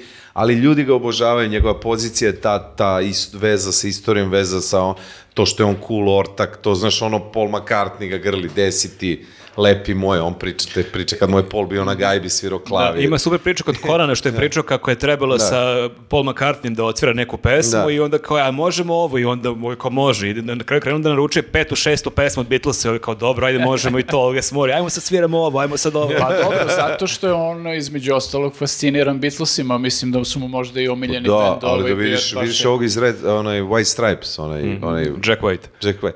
Ima sekund se zove. A, ka- da, da, to je dobar klip. Što, puštaju po sekundu Sekund početak pesme, pesme tačno. Beatles i svako Ja sam pogađa. recimo, on je, on je 98%, ja sam bio na, ne znam, 60, 70%. Ja moram Ali isto da- na sekund, znači pameti ti kažeš, aha, znam tačno koje. Jer ako znaš, onda znaš. Ali u Ako- praksi je, nije toliko strašno teško kad čuješ koliko ovako kad kažeš kao na osnovu. Mislim, Pa, ja sam pogodio dosta pesama. Specifični su, da. će- Jesu specifični, ali drugo i mi smo imali, e, ti si imao često ploče na koje ćemo vjerojatno stići sad. Znaš, Da, slušaš to je celu. Celu ploču. da, I onda da, da. ti znaš posle koje pesme ide koja pesma. Ti sam pevaš već kad ide osta. Ta na na na na na. Ta, tačno znaš da ide sad ta pesma posle Da, te. Znaš, da, da, da. ide ovo, ide ono. Tako da to, moguće da su ti sekundi dovoljni da posle znaš Da, da, napamet. pa verovatno sve to imaš negde pohranjeno u mozgu. Ima i dobro, on je muzičar čovjek potpuno. Moguće, Možda ima bolje sluh od Malo, mene. da. Uh, ako, je neko, ako je neko čitao, e, mislim da je prevedeno na srpski. Voleo bi da se neko, ne- neko, neko javi, da, vidio, da vidimo da uporedimo samo doživljaj sa tim, da li i tog nekog, ne znam kakav je prevod, da li i tog nekog tih- nervira malo taj, to savrš... Mislim da znam u čemu je e, problem, sa, moj problem sa tim. Zato što je kao prevelika savršenost, a bendovi u kojima je svirao i svira e, n- n- propagiraju ne savrš, ne propagiraju, nego su nekako Da, za, ne, grunge malo za su prljavi, nesavršenost da, da, da, simbol i Da. malo to kvarenje Prljavo, da. savršenosti, a ovo je upeglano do detalja, ne na loš način upeglano, nego kao, vidi se da je taj Jeste, Pa zato što je biznis, drugo, ja mislim da on Biznis, zna... da, Biznis i da, drugo, on da. zna da je on, uh, da mnogo ljudi gleda njega, on zna da čerka jasno, jasno. čita, da će sve Jeste, njeni da, drugovi da, da, da, da. čitaju. Jako I sad on ako da. pomene heroini, pomene gde su... Ma ne, naravno, i sad gde je zreo čovek, sašli, nije- Tako da. i zreo je čovek, on mora to da kaže s jedne, s jedne distance koja mora da Pa bude dobro, jasna da, mislim i- i detetu i tebi i meni, i možda je to taj klin, znaš, i nije bilo Da, sezona, da. Evo, brate, što se šurili, ne sjećam se ništa, ovo poglavlje bolje da bude blank, pošto da me ubiješ, ono. Mislim, mogu da lupam, ali to je onako nema veze Da, s mozgom, znaš. da, da. E, u tom smislu kapiram da nije teo to da kaže. Ali ima nešto to, ovaj, baš to kad imaš klince, to te promeni da određene stvari koje 100%. moraš Pa ne, da sad imaš jednu novu odgovornost. Znači, ne možeš da pričaš kao, brate, Da, ali i dalje je zabavno i dalje je fascinantno. Taj život je da fascinantan. bacimo pogled onda. Jeste, da. da, ja to još nisam čitao, ali eto baš ovaj, pogledat Ne, ću ne. da li je izašlo i Da, kod ne nas. znam ako nas je izašao kod nas, mnoge te autobiografije muzičara je prevodio Dejan Cukić, ne znam da li to znate, i Eltona da, Johna i Bruce stručni, Springsteena da. i, Zapu. i Zapu, da, da, tako da ako je Laguna izdavač, vrlo je moguće da je on Da će prevodilac. Deki da to obavi. Da. Vidjet ćemo Mislim da je već, e, e, kao da sam negde video, ali nemojte me držati za reč. Moguće, ja mislim kad naletim na takve stvari, ono obično kupim, ali čak i kad nema ovaj izdanje na srpskom, kupim englesko. Ovde je, Englesko, engleske da. izdanja uvek imaju tih Samo je to bonus što kao kad slušaš audio, on čita, Jeste, pa... da. Pa dobro, daj, možda Super. bereš sudo. Da. Pa dobro, e, ovo, ovo nam je dobar prelaz na sledeće što imamo, a to je muzika. I da li, da li će čovjek koji je jedini uživo video Deva Grola da priča nešto? Muzika je put srca. Jest. Ovaj, pa A i evo, ti si muzičar. Ja sam i muzičar negde, da, vodim se. Ja ne volim to nekad kad čitam u nekim tim uh, glumac, muzičar, voditelj. Pisac. Pis, da. Ja sam Spisatelj. Renesansni lik. Renesansni lik, brate. ovaj, To je to. pod tačkom Johnny. ovaj, pa, da, ja, što se tiče muzike, ja sam teo da odaberem jedan album koji još nije izašao, a zove će se Johnny Midnight Trio po sećanju. I to je moj prvi album mog benda ovaj, koji će 29. novembra nadam se da izađe. Sve mi smo izbacili ovaj single Dobro te čuvaju, ima na YouTube-u i tako dalje. Bili smo kod Zoz, Zorana i to promovisali. I to je ovaj, moj neki dečiji san bio, znaš, ja sam bio u par bendova, ali sam uvijek bio treća violina ili druga. I... Da budeš frontman. Pa ne samo frontman, nego, znaš, hoću ja da kažem, ja bih volao ovako da Ti to si kao zvuči. Dave Grohl zapravo, znači Ja bio si neki Grohl, tamo da, bio sam stalno Nirvane, neke da. tu, znaš, pomalo, ali nikako da se probim. I kada se desila korona, otvorilo se to neko ludačko vreme, znaš, u- i u Los Angelesu sam našao dva drugara koji su svirali po nekim, tamo ima neko crno dugme, čuveni. To su naši... Naši uglavnom, to su uglavnom... A ne, crno dugme Amerikanci. Ne, to su iz, To je ono, dobro. oni, oni su naravno tribut belog dugmeta, ima jedna druga ekipa koja svira neki parte. Brekerse, EKV, u tom smislu. I, I ja sam mazno tog bubnjara i ovaj, Srđana i basistu zvanog Meksiko i onda sam s njima dvojicom krenuo da sviram, da se zezamo i napravili smo nekih dvadesetak pesama i onda smo nabavili i trube da nam snime ovde u Beogradu, mi smo To je onda snimili tamo. dupli, dupli album. Koliko će bude na albumu? Nije, posle, pošto sam ja teo da budu obrade sve. Koma, znači, album se zove Po sećanju. Koncept je u tome da kao kad sviraš nešto po sećanju. Pa znaš, ne sviraš baš kako ide. Nego, Malo ga variraš, da. Malo po sećanju, kao kad pričaš priču po sećanju. Nije baš sad skroz, nego malo ti Nadogradi, pobegne. da. Pobegne ti, jel? I, ovaj, i, ali to s tim pravima je toliko komplikovano, zato što mnogo, na mnogo mesta nisu rešena prava. Onda i kad jesu rešena, onda e, ko je, koliko je tu njih, kakvi su njihovi međusobni odnosi, jer, da li neki izdavač i tako. Da vas ne davim, to je ovako dosadan, baš dosadan deo priče. I onda smo mi došli na nekih 11 pesama, od toga su dve moje, koje su ostale, kad sam ja bio klinac, kad sam imao 16 godina ili 14 godina, ne mogu se setim, negde između te dve, i ja sam imao neke te pesmice koje su mi isto spale u taj, kako bih rekao, paket po sećanju. Da je si ceo tekst imao sačun ili si po sećanju Pa, rekonstruisao tekst? bukvalno sam se po sećanju išao ovaj, i na tekst. I sad, znaš, negde sam imao početak, sredinu, a negde sam imao samo kraj i početak i onda bi, znaš, u suštini morao da rekonstruišeš u svojoj glavi kako bi ta pesma da je doživela, da dođe, jer znaš kako pesma ima inspirativni moment, ima moment kad je to kao neki polu demo, ali ima jedan moment kad se ti suočiš s bendom i kad to sad počne, znaš, svako pravi svoju partituru, basa, gitare, stanke, ovako ćemo da počnemo, ovako ćemo, znaš, i pesma onda stvarno postane pesma. I onda smo mi to sve snimili uh, u studiju u Los Angelesu i poslali ovde našima, Uh, ovaj Filip je radio aranžman truba i onda meni slao to neki midi, to možda to je užasno. Ja kao, jo, ne, ovo, ovo, je- on kao, ne, ne, to je samo sinti da ti objasnim. Znam da je sinti, ali odvratno je, znaš. Ovaj, I onda su oni snimili neke radne verzije, on- onda sam ja slao neke svoje želje da to bude bezobraznije, prljavije, da sviraju New Orleans, pijani trubači, a ne uredni drugari. Oni su to ispoštovali do krajnje granice i ja sam im rekao da slobodno piče solaže u svakoj rupi da ima četiri takta, meći si, pa ja, oni su divni svirači, muzičari, džezeri. I onda smo mi to posle sve editovali, malo smo skratili, izbacili i puno stvari naravno i ostavili. I to je neki Michael Patterson ovaj, na miksao tamo čuveno zezanje. I sad će ti izađe ploča. O, i pa si uzbuđen. Pa no, mogu da ti Delaš i kažem- da jesi. pa jesam, znaš kako, to mi je kao neki, kao bucket list, znaš, ono što kažu, o, z- Kesić me je li to kriza srednjih godina, ali ovaj, možeš i tako da gledaš na to, moguće da jeste, ja samo izgleda nemam lovu za Ferrari i ne mogu da tražim stvarno švalerku od Bolje- ono, bolja 17 muzika nego godina. motor, da. Znaš, Ali ako odeš u Hrvatsku, ali ako, znaš, ko zna, ne, hoću kažem, ja prosto mi se, e, ima nečeg što je stvarno dečačka želja, Mhm. ali mi se, mi se činilo, ja se mnogo lepo osjećam kad sviram, mnogo nam je lepo kad sviramo, do, dobar nam je osjećaj za to, Da, da. imam utisak da, a ne zvuči loše, ja sam zadovoljan kako je to sve ispalo. a jel planirate neke koncerte? Pa, pazi, sad je fora da izađe ploča, da ona ide sada do negde maja, da kažemo, da se ona sluša. Kad, posle- jel imaš datum? Kad izlazi? 29. 29. novembra. Aha, dobro. Ovaj, To simbolično, taj datum. Pa, mi smo 29. novembra pre dve godine počeli da sviramo.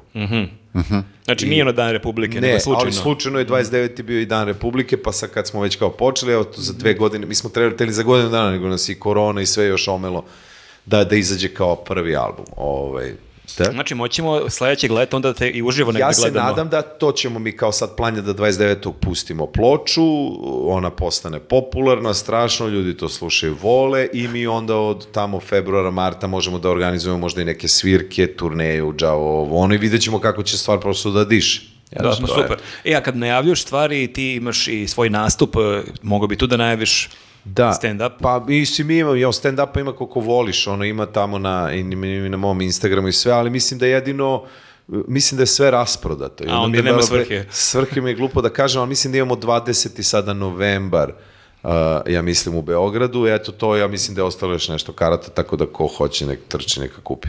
Super, super. Eto da. Jer svi Ovi- vole da me zovu 19. Ej, baš sam teo da kupim Ja i kartu. sedam ortaka, ako može na spisak. E, možeš da nas znaš i ti kao, pa dobro, može. Ali, znaš, bilo bi fora da ja uđem kod njega u posetičnicu, uzmem ono dve tulumbe i kao, vidimo se, aj zdravo sad. E pa dobro, znači ti si od 29. novembra i zvanično imaš i titulu muzičara onda. Pa, pazi, ja sam imao kao, kažem ti, ono, sport i reinkarnacija, neki Ne, ne, da, se Ja sam bio čak i producent toga, u smislu da sam dao pare da se to snim. E, Snimao, svirao sam s Kugorsima, mi smo imali dve ploče, nekih 200 koncerata i tako dalje. Ali to su sve, kažem ti, ja sam to sve doživio kao neku primenjenu Da, da, muziku, ja sam o- uvijek bio neki deo nečeg, druga, znaš, onako, ja bi sve drugačije uvijek. Ja bi da sam ovo- glavni. Ovo je sad totalno Pa, drugačija priča. da. Ima, ima nečeg za što i da si glavni, ali kažem ti, na, najviše me zabava što smo nekako ko, uh, meni je oko gitare bilo jako uzbudno, ja sam imao neku praćkavu gitaru, onda smo tamo našli moj taj drug Srđan Bubnjar, on igra tenis sa Leo Skalom. Naš čovek isto, on je stari malo od nas, on radi za fe, u Fenderu, u ovome, u Gibsonu, Artisan projekte, kao umetničke projekte u Gibsonu, možeš misliti. I kao, ajde dođi kao kod Lea da ti on možda ima neku gitaru, ti pozemi malo, nema sviraš tu praćku. Znači, ovo je kod Lea, znaš, on, on, a on pravi gitare k- ovome Slashu. Znaš, Slash je video od onog ritam gitariste iz Guns N' Roses da ima Leovu gitaru i ko, ko ti je pravio Leo, došao kod tamo, treba mi za tur, pet gitara, on je mu napravio pet gitara. To stvarno izgleda ludački, zato što to su i gitare, ali to je bukvalno umetničko delo, ono da je staviš ko goblen na zid, razumeš. I on mi je dao jednu gitaru koja je potpuno nevjerovatna. Još Ovaj. da slash cilindar i eto. I, ja on, I onda, znaš, ali ta gitara te onda i tera da sviraš na određeni način i tako malo su i deblježice malo tera na tu distorziju, na taj grunge, puč, puč. Ali ovaj, to se nekako sve lepo uklopilo. Trio je jako zanimljiv muzički, znaš, jer nema puno ljudi, znači svako zauzme veliki prostor i mora da ga zauzme. Nirvana je trio. Jeste da. Mnogi ne znaju. Hendrix je trio. Znaš, to su v, uvek uh, Rage Against Machine je muzički suštinski trio, samo su tri instrumenta, naravno ovaj pevač i tako dalje, ali uh, Red Hot Chili Peppers, to su sve tri, znaš, ima puno tih trio, oni su uglavnom malo džuku, zato što nema drugog načina da budeš trio, Da, svako a da ne da- odeš malo u grublji zvuk, meni se činio taj rock and roll i ja sam od uvek teo da imam trubače. A čekaj, da ćeš imam- imati, a kad budete svirali uživo, imaće ti tu duvačku sekciju. Kako da ne, kako da ne. to će Kako da biti ne. zabavno. To je isto fora, sad to je big time, možemo da sviramo i samo verzije bez bez truba, možemo da snimamo i sa backtrackom ako baš mora, ali najbolja bi fora bila da imamo četiri drugara, dobra stara artiljeriju, razumeš? To, to dobro zvuči. Pa kako Lepo. ne? Znaš, meni su to trube i rock and roll bili kao, mislim, to je imao James Brown, razumeš? I DLM.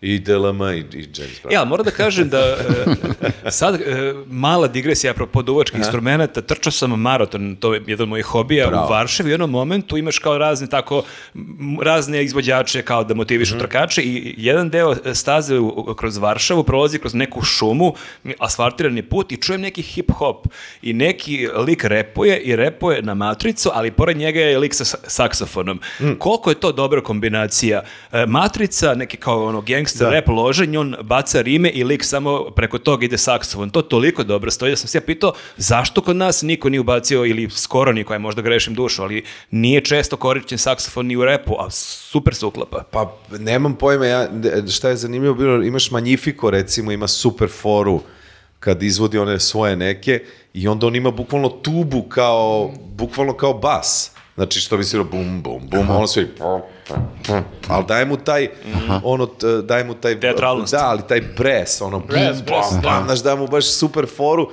i onda uz violinu kombinacija to postane nešto i totalno je ritam i blues, znaš, dobiš uh, drum and bass. Buraz njegov svira bubnjeve, ovaj mu daje na ovome i to ne treba ti više od, od, od toga. Ja sam kod njega to vidio da se on malo igra sa tim. A ovi naši se ovde ne igra ni sa čim. Mislim. Ne, ne igra se niko sa muzikom, u, znaš, nema, nema vremena, nema prostora da neko zaista se nešto malo, ali to si Da u pravu, to bi mogla da. bude dobra, dobra Da, kombinacija. bukvalno mi je mozak ono eksplodirao, kao wow, ovo je tako jednostavno, Pazi, a oni tako sviraju, moćno. oni sviraju, bio sam na nekoj, bio sam na utakmicama ovim nekim studentskih ovih uh, američkih futbol, znaš se igre. I onda imaš ceo istočna tribina je recimo šest orkestara i svi su ti na bu, bu, bu i na dru, dru, dru. bendovi, da. Ali onda svira se, najčešće se svira White Stripes, znači tram, tram, tram, tram, tram, prastu, pam, a onda Da, oni da, to je postala se- himna. him, onda, ali sviraju i, i Jump Around, znaš, tram, tram, tram, tram, du, di, du, dum, da, du, da, dum, da, a, i onda ovako svi, žtr, žtr, žtr, ali ima i Hendrixa i ovih i onih, ti pomisliš, Mislim, kod nas nema tih bendova u školi više nikada, znaš, ali i naši trubači umeju, kad uvete da šure nešto, oni mogu da uzmu bilo koju pesmu suštinski da je pretvore u jedan ono dobar, do, dobar Možda nema dovoljno saksofonista. Svi su otišli iz Srbije. Moguće, znaš kako saksofon često pobegne, to ima malo to ka rumunski. Saksofon često pobegne. Pa da, oni, oni idu ka Rumunima, ka Romima, znaš, to ide Aha. u tu muziku, re, nije u našoj orkestraciji su uglavnom truba, tuba, čao, džaci. Čao, džaci. Da. Da, zanimljivo. Nenade, šta si ti slušao? Ja šta sam slušao? E, slušao- Šta, šta nisam slušao? Imaš spisak? Nemam spisak, slušao sam nove Stonese, to ću A. da pomenem. A, E, To ne bi ja mogao se moj, nadovežem. moj, spo, moj spot koji smo snimili, ja u kolima se vozim sa moja dva drugara po Los Angelesu u crvenim Da, kolima. vi- vidjeli. Novi spot s Rolling Stones. Slu, slučajnost. Šta? Riba se vozi Nisam crvenim vidio. kolima Aha. po Sunsetu. Aha. Nikola Đuričko, dve tačke, pokrali su me stonsi. Da, tako je, tako je, tako je. To ih treba da kažem Tako zapravo, je. da. Ali, znaš, ona je mnogo lepša i, i zanimljivija od mene i oni su na billboardima, oni su prokleto stonsi. Znaš, a ja sam snimao to mobilnim. Ali postoji nešto slično. Malo ali, manji ali je interesantno da je ulica, crveni auto i čovek peva. To jest ona ne peva, ona se uvija kao italijanska melodija. Da, pa dobro, mislim, oni su crvena kola uzeli zato što im je sad crvena boja uopšte vizualni identitet oko novog albuma, sve su te crvene Da, neke ali nijanse. često su oni na billboardima, primetit ćeš zadnjih Ovi- sedam spotova, neko nešto radi, a oni se pojavljaju na billboardima. Da. Što ih mrzi da snimaju. možda ne deluje toliko lepo više. Ne, ne boli. A, bolje su malo statični. Pa ne mogu, brate, Kitu, pa- kažu, Kit treba snimati spot. Važi. I ovo što su odsvirali, Ja počeo, nije bilo televizije, ne Da, spotova. da, brate, mi... i ovo što su odsvirali je dovoljno, da. Ove, e, da, mislim, e, album je, ja ne znam, pokušao sam da utvrdim koji je po redu studijski album. Pa i dobro, neki. Baš. Neki e, variraju, 40 je. variraju brojke između 27. i 31. Mhm, Zavisi ko šta računa u... Da. Jeste. Ali nije bitno, znači mnogo albuma imaju, a i ovo je, ovo je posle, e, ne znam, prethodni album su tipa izbacili pre nekih 15 ili jače godine. Koliko se Toliko sjećam. ima? Meni je u glavi Toliko 16, ima, da, da. da je to Ima da dosta prošlo, da. vremena i prvi album od e, smrti Charlie Ovoca. I ovaj, e, prvo što mi je ono kao neki utisak lep album. Ja kao ovaj, ne slušam često ono baš taj rock and roll te, tog nekog starog kova, ali ovo je stvarno mnogo lepo odsvirano i kao još sve vreme ti naravno ne možeš, verovatno, bar ja ne mogu, da se distanciramo činjenice da oni imaju godina toliko koliko imaju i da ti čuješ kako oni sviraju i kako Jagger peva i kako sve to... Bio uh, sam ja na, na bio sam ono, na koncertu. pršti, razumeš, to je Na koncertu u, u, ovome, u Los Angelesu na stadionu i dobili smo neke dosta pristojne karte, znači se kao, Mhm. o- ono, Mik je tako je tu kao tamo na, kod prozora kad bi bio. On trči po onom. Znači ti. I dalje trči. Ili te, ja ne znam koji su to vitamini, šta je to, ko je, da li pije krv devicama, ja ne možda gledao mi nije neki jasno. njegov trening, on stvarno ozbiljno trenira, Pa, to mora- su neke pa nema vežbe, drugog da, načina, da. ali Trebušnjaci, prosto- samo trebušnjaki Ali rade. ne, prosto energija, vidiš ti sad, to jeste i vežba, jeste to i show, ali ti vidiš da on to se rodio i Jeste, život jeste, da.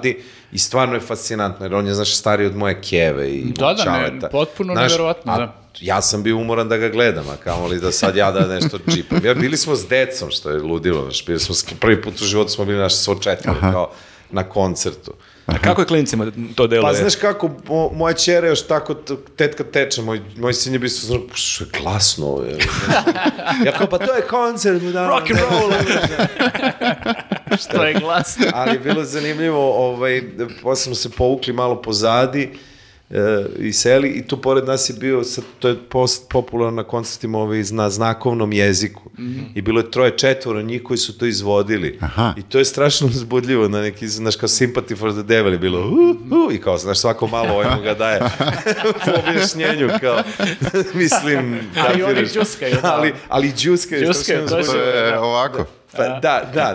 Ne, a, e, moj, moj, moj đole uči u školi taj znakovni jezik. I, I, I love rock and... Ovo je love, Aha. a ovo je rock and roll. Da, da, da. Đavo?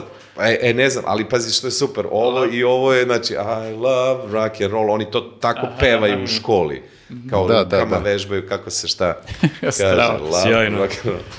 Ove, da, i uglavnom, mislim, ima nekoliko onako malo, da kažem, rokerskih, bržih pesama, ima dosta tih nekih onako srednjih koje su jako lepe za slušanje i imaš naravno njihovo, ono, kad se bace u neki bluz, ono, totalno. Ovo što, pesmu što su radili sa Lady Gagom, recimo, ona traje tipa nekih 7 minuta i stvarno je onako, baš se, baš je grade, ono, ovaj, grower je što se kaže za, za pesme i pokidaju na kraju, ali pritom kad ti pogledaš ono kao ko im je gostovao, tipa uh, Elton John, uh, Stevie Wonder, ovaj, uh, kako se zove, Paul McCartney u jednoj pesmi i ti kao, znaš, skapiraš samo, znaš, z- Paul McCartney koji je došao kao njima da svira na ko zna kom albumu više i kao onda se prisjetiš kako je nekad postojao taj rivalitet ono među njima i sve to. I uh, Pa dobro, to Rolling Stones misle da je bio neki. Pa dobro, da. Realno nije bilo nikakvog rivaliteta, ovi su bilo, njima da. pisali pesmu. a oni Jeste, ali nisu. znaš ono kao, ali ti ovi, o, mi, Ali jesu oni osjetili Jeste, kao da im jeste, ovi da. dišu za vrat i da je to to. Pa jeste, Ali da, kad su se ovi raspali, ovi su postali onda taj zvezde. i To. je to. Jeste, da, i Ringo Starr je gostovao na albumu i sad, znaš, ti kao Ali to je isto uzbudljivo, kao, naš, Beatlesi sviraju kod Stonesa. Da, da, ali to je sad moment gde su oni kao jedni drugi, mislim, svi koji su preživeli iz oba benda su bukvalno ono kao veći od života, razumeš, ono, ne Pa postoji... kao ima fali basista i Da, da, i kao- bubnjara, ovi imaju baš to sve, je, možda bi mogli da se malo- mrđaju, da. Da, dođi malo da džemujemo, da imamo šta će da ispadne, otprilike taj fazon. I stvarno je ono, mislim, ja nisam imao neka prevelika očekivanja, pogotovo što ovi neki raniji albumi koji su izbacivali skorije, po onako nisu bili nešto, ništa sad nešto specijalno, ali ovo onako, ne znam da li mi je samo prosto Lego album sad u ovom momentu, ali stvarno dobar album. Meni je utisak, ja sam ga pustio možda dva puta, tih prvih 5-6 pesama, koliko je to energično, da Jeste, pomisliš, jeste, oni da. koliko, imaju preko 80 godina, ne znam tačno koje su oni godište, ali ja sam frapiran bio koja je to energija i da, što to je baš onako oni stari neki rok, ali toliko, mnogi muzičari Stari- kako se stari malo usporavaju, Jeste, makice, jeste. eksperimentišu, ovo je, ne, ajmo da rokamo, Ne, idemo. ovo, ovo sa McCartneyem pesma uh, The Beat, ne mogu se setim tačnog naziva, ali bukvalno je to fazon, znači baš rokerska pesma, razumeš, ono i to, rekao bih, rokerska pesma koja, na primer, uh, će da obriše pod sa mnogim novim pesmama Pearl Jama, koji su ono kao duplo mlađi od njih, razumeš.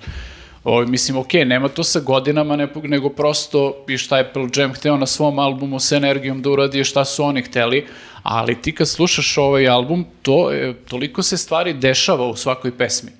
To je ono, znaš, kao, uh, delo je pesma jednostavno u početku i onda do kraja oni izluduju onako baš lepo.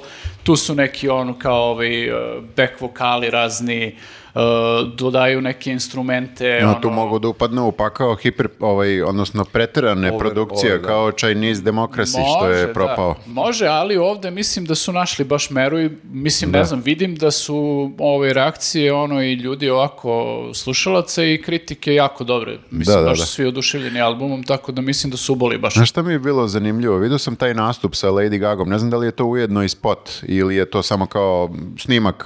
uh, Mislim, ono i studijski. Da. Jeste, da, to je kao u studiju su snimili, ja sad ne znam da li je official, ali kao Ne, da. izvini, vidio sam, vidio sam kad nastupaju u nekoj jako maloj sali pred Ja. jako malim brojem ljudi, mislim sve to super zvuči, ali mi je bilo jako zanimljivo što prvi put vidim godine na njima. Znaš, do sad je nekako bilo, ti znaš da su oni stari, ali vjerojatno ih da li ih našminkaju ili malo je tako nekako može da se sakrije, više ne može da se sakrije, vidiš tačno uh, uh, bore. Dobro, kao baš su, baš imaju mnogo godina. Znam, mislim, ali legitimno. to mi je bilo, Čoveče, bre, on je stariji od Bajdena. pa zna, to je reper za starost. Pa nije ali i od Trumpa, znači, Pa jeste, dvoj- a njih dvojica malo, malo, pa ne, ne mogu baš Jasno mi je, sve mi je jasno, ali kao do sad ovaj nisam viđao, Trči, nisam trči. viđao, nisam viđao toliku starost. Znaš da su stari, ali kao u fazonu Misliš kad vidiš Lady Gagu, pored njih kažeš... Je. Jeste, da. Oni nisu vršnjaci, znači, kako je Lady Gaga ostarila. ne njima Da, unuka da. zapravo. Kako se Ne. podmladila Lady Gaga? E, da, to mi je samo bilo fascinantno, jer nekako vidiš da i ne, ova trojica ne mogu više toliko da se, da se mrdaju, to jest e, dvojica, ovaj bubnjar se ne mrda. Ovaj, ali, ali nekako prvi put vidim da, da su stari. Da su što je jako stari, čudno jer imaju koliko godina. godina. Da, da, neverovatno. Jeste, da. Pa lepo si to zapazio, Viktore. Pa dobro, ne možda sam samo ja u pitanju, ali, ali jest, eto, to je, da kažem Ali i ja po meni je- nešto. Meni je drago što su doveli baš Lady Gagu zato što je stvarno pokidala u ovoj pesmi i stvarno kad joj daš stil odgovarajući neki da peva, ona bukvalno može žena da peva sve. Ona je pevala sa Metallicom, pevala je sad sa njima. Bennetom, meni je žao samo što u periodu ono dok je bilo ono kao prvi drugi album kad je bilo onako baš istripovana umetnički avangardna i to što tad nije sarađivala sa Marilyn Mansonom, to mi ono kao baš bi bio meč ono u tom trenutku, a posle Manson ono zasrao dosta toga ovaj, ovako, ne samo muzički, nego i ovaj, što U životu. čeka- u životu, da. Tako da sad je to malo onako nije baš realno. Diskutabilno, Da. on je cancelovan, a? Pa po, polu cancelova, ne znam da li će da bude, ali da, ovaj, Koji je tvoj album? Moj album, uh, Who Si grupa, čuo si za njih. A, čuo sam, Husi, da, da, da. Pa čuo si crnogorski... Crnogora, kako Gdje se ne, kupaš i to? gdje se ku- da, Da. nemam ti kad. Tačno. Uh, album se zove, o bože, sad, sad sam... To je uh, novi? Novi je album, sad mi je To je pobeglo... nakon nekoliko godina. Jeste, sad mi je pobeglo kako se zove album. Dobro, nema veze, Toliko, će da, da, ali vidjet će- Baš smo i pominjali sad skoro u Crnoj Gori sam bio. Da, imaju razne e, saradnje sa raznim autorima, između ostalog i Senida je tu, što je Mhm. to kao malo deluje možda nespojivo, ali zapravo je jako dobar, jako dobar spoj. E, od, odlične Senida su... je naša Lady Gaga. Odlične su mi pesme, imaju, ovaj, e, imaju, e, opet obrađuju teme na taj neki sebi svojstven način. Meni opet to nekako leži jer je duhovito jako. Njih dvojica su e, super duhoviti momci i super uspeju da uklope to, tu duhovitost u prilično moderne neke bitove, semplove, vidi se onako da, da prate sve i da se trude da to zvuči, da se pomera kao što se Da repi, repi da. pomera, hip-hop kako ga već sad e, zoveš, a nije onaj old school kao što je old school, nego ga mrdaju tamo gde gde treba da se mrda, to mi je baš onako jako drago bilo i jako veliki broj pesama, sad mi je opet Evo, pobeglo koliko. Kako jeste i kako je moglo. Kako jeste i kako je moglo, da. I ne znam da li ima malo i veze sa tim što je crnogorski akcenat, odnosno dijalekat, odnosno e, e, crnogorski jezik, pa to zvuči Pa, da. još onako egzotičnije. Verovatno mu dodaje na Ima, tome. ima malo dodaš meka, da. Da, da, oni, da. oni imaju veliku kulturu govorenja. Imaju. I jeste. imaju, ali samim tim to znači i kultura slušanja. Na neki Da. čudan uvrnut način. Da, I onda oni imaju izražavanje kod njih vrlo važno. to vidiš u skupštini. Pa isto. oni da, pošto naš, leteće kubure i glave, ako baš skrenu kovi naši. Da, naš, ovi da. naši pominju majku Ujnu u drugoj rečenici, ali nikom ništa. Da. Ovamo to će... Ne može, ne znaš, može baš tek tako. baš. Da, ja sam ono upoznao, naš e, drugar iz Crne Gore, nešto mlađi od nas, kaže on meni pre mnogo godina, ja sam tri puta držao govor na sahrani. Ka, kad si stigao da dr- držiš govore, mislim, ali to što kažeš, ta kultura govora. Kultura to, govorenja, to je to, Da, naš da. post, i onda i samim tim neminovno ih dovodi Besede. na... Pa dobro, znaš šta, uh, usmena i književnost čitava bila zapravo, naš, na tome bazirana i to je ostalo u njihovoj tradiciji, nažalost mi smo dozvolili da to pobegne. Ja sam baš pominjao kako si imao, ne znam, books of knjige. Znaš, pa kako eto imaš njih, pa kako i, Da. znaš, uvijek e, i se desi nešto, u, ima u Crnoj Gori neka grupa se pojavi koja odjednom nešto izgovara i, i znaš, pravi. To bude dobro, da. Kod nas dosta teže to ide, što je dosta čudno, jel? Očekivao bi, ne znam, ti imaš Marčela, znaš, i to, ali nemaš neku grupu, recimo, rep da je nešto, ja ne znam, možda ja ne pratim, moguće da nisam. Ja sam veliki fan Prti BG, Ja, moram da ti BG, kažem, da. Ali ovi drugi su se prodali, kaže. Da, ali niko, niko, niko drugi. Da sumiramo, da. Da, ali dobro, da, Eto, da ne znam, od uh, ovih saradnje imaju e, Edo Majka, sa njim uh, još... Uh, uh, je- ajde bio mi sad. je Edo Majka na stand-up. Eto, u Zagrebu, vidiš, da. I imaju super, uh, kako bih rekao, nastavak pesme Bari, Bar Bari. Ja mislim da sa nekog prethodnog albuma, sad se zove pesma nešto u fazonu jedna tura kokaina rešila bi sve. To je, Bar Bari je bio šverc na malo, jel? Samo da, Bar Bari. cigarelosi, da. A ovo je sada novi, verovatno inspirisan ovim novim klanovima koji... Šaretome. koji, koji, da, šareni, koji idu iz Latinske, odnosno Pa, Južne da. Amerike i, Kolumbije. Vidiš, mislim, nije, e, kako bih rekao, romantizacija e, krimi načina života. Ne, nego to je samo ideja je da mi prevučemo dva šlepa, Da. unuci pola da, igraju i da, to se da, sve da, nešto, da, za- zanimljiv način. e, rada. dobro, ali- Samo jedna tura, samo Ali- jedna tura. Ali moj, zapravo moj da. posljednji posao. Da, Da, ali i prvi, možda i prvi. Ali zapravo zbog jedne ture je i, i da došao razgovor. ne može, ne može tek tako. Meni je smešno to kad kažeš bar, bari 90. kad sam išao u Crnu Goru na more, i sad ti crnogorci, e, mnogi od njih priča kako je on italijan poreklom, to je, um, slušaj, moje prezime, to je italijanski i stalno su pričali, a bari, bari, i često, često su pominjali bari i onda su tu bili neki bračni par iz Milana i nešto mi pričam i oni kao, ali, kao bari, bari, kao, zašto bari? Kao, bari je naj, najgluplji grad u Italiji. I ti shvatiš koju percepciju ljudi, ne znam, u Pržnom ili Da, Budvi da, imaju da. Bariju, 90-ih pogotovo, još kao vreme sankcija, a koju percepciju imaju ljudi iz Milana? Ali bar je, Kao to. bar je stanica. Da, da, da. Bar je Pa- stanica gdje staje trajekt. Jedan to od, kao e, kamenar i lepetan i sad kao Da, da. bi ti rekao meni je lepetan je najbolja stvar Da, da, da, ti da, pa da. dobro to je da te preveze onda ti ideš, Imaš dalje nešto. odeš Mislim, kao, lepo je, ali ima lepših. Da, Da, pa da, da. to- Ima lepših gradova u Italiji. tu, ne, tu staje trajekt, sigurno. slažem se. svi. Znaš, to je kao topomin Da. važno zbog trajekta, ali ono samo po sebi nema. Da, da, da, da, da. Da. Cool. E, ja bih samo kratko Ajde. rekao, e, jedan od mojih omiljenih a, aktuelnih bendova, Future Island, imaju sad, objavili su nekoliko novih pesama i novi album će mi izaći u januaru i jako se radujem. A, oni su objavili, e, The Tower se zove, čini mi se, četiri nove pesme i to ko nije slušao, neka obrati pažnju, to je onako neki indie pop, elektropop. Synth neki, da, Synth, ima i synth, Malo vuku i na LCD sound system, ali su neko dosta nežniji. I zaista, obratite pažnju ko nije gledao, oni su, kad su se pojavili, još, e, tad je David Letterman vodio svoj late night i oni su prvi nastup u nekoj takvoj emisiji imali kod njega i to je, ja mislim, najbolji nastup nekog benda ikad u nekoj late night emisiji koju sam ja gledao. O, ostavit ćemo link da ljudi to pogledaju, jer način na koji njihov pevač, pevač je lud, šta da. on radi, to je takva jedna, takav jedan trans koji je onako skoro pa nivici ludila u momente. Jeste, on baš ima performans. Da, način na koji on pleše, on te hipnotiše kako pleše, to su pokreti koje nisi video i taj njegov glas kako varira, da je sa- sam Letterman koji je, to je bilo pred kraj njegove karijere koji je video bukvalno sve bendove, ti vidiš po njemu kako im je prišao posle da Sigurno on i ume malkice da to i odglumi, ali mi delo da je on bio malo frapiran šta je on tada doživao i prosto kad gledam neke, nisam ih nikad gledao uživo, ali kad sam gledao neke njihove nastupe, njihov pevač je kompletno mokar nakon treće pesme, šta on radi na bini, to je čudno, pogotovo s tu muziku, to nije sada neki ono Nije metal neka- hardcore skače sve da. vreme, nego Pa da, ali on nekako više doživljava te stihove sve vreme koje peva, nego samu muziku, ok, jeste Si i rekao muzika. se zove band? Future Island. Da. Buduće Ovaj, ostrvo. Jako, jako dobar band. Jako zanimljiv bend i ja se stvarno nadam e, i čak mi je zanimljivo što evo za dva benda sam rekao u ovom popkastu da bih volao da ih gledam i oba dolaze negde. Bombino o kojem smo pričali u prošlom popkastu dolaze sad za par dana u Novi Sad, a ovaj e, The National koji smo također ili savjet ja spominjali dolaze sled- sledećeg juna na In Music festival u Zagreb. Tako da ako evo imam neku moć da e, najavim Da i manifestuješ. da manifestujem, da, da, ja sam kanal koji to da tako sprovede.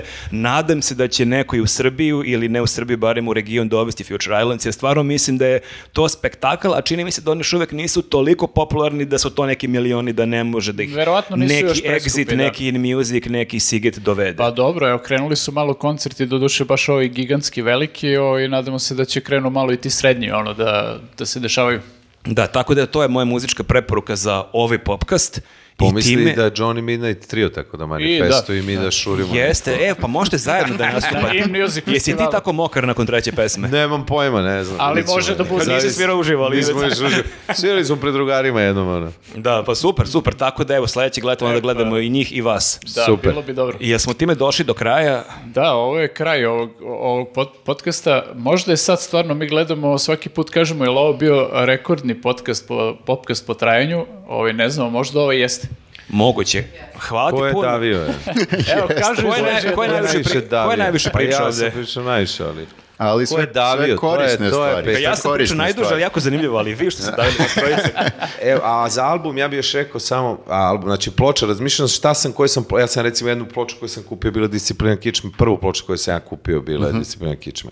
Ovo, a jednu ploču koju smo najviše slušali, Ćale moje dono, ne znam odakle, da li iz Beča, ne, Tony Locke, Funky Col Madina single. A, da, da, da, S jedne se strane toga. pesma on, a s druge strane samo matrica i imaš reči. Aha. Ja moram ti kažem, koja je trivija, to je jedna od prve tri, četiri pesme koje sam snimio sa radija. Dobio sam Da, kasetofon, kaset, e. kupio praznu kasetu, ja sam nasumično teo da testiram kako snima, imao sam 9-10 godina i bile su uh, Funky Call Madina i još ne znam koja je posle, da li neka Madonna išla da. posle, slučajno, tako da Toy je- Boy. i, i ja imam neku emociju za tu pesmu. Da, Funky Col Madina je jedna od boljih, ono, To je bio prva rap. rap.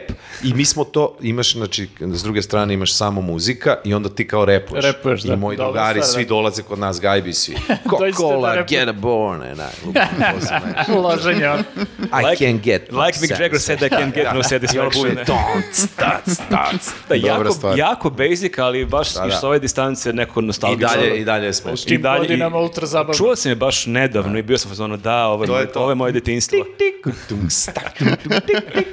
Ceo fazon. Ne, ne, to je bio rap, da, da, se- je da se vrate stvar. prave vrednosti. Tako da, Funky Col Madina, pozdravljamo vas sve. Ćao, ljudi. Hvala puno, Vidimo vidimo, se se za dve nedelje. Vidimo se. Ćao.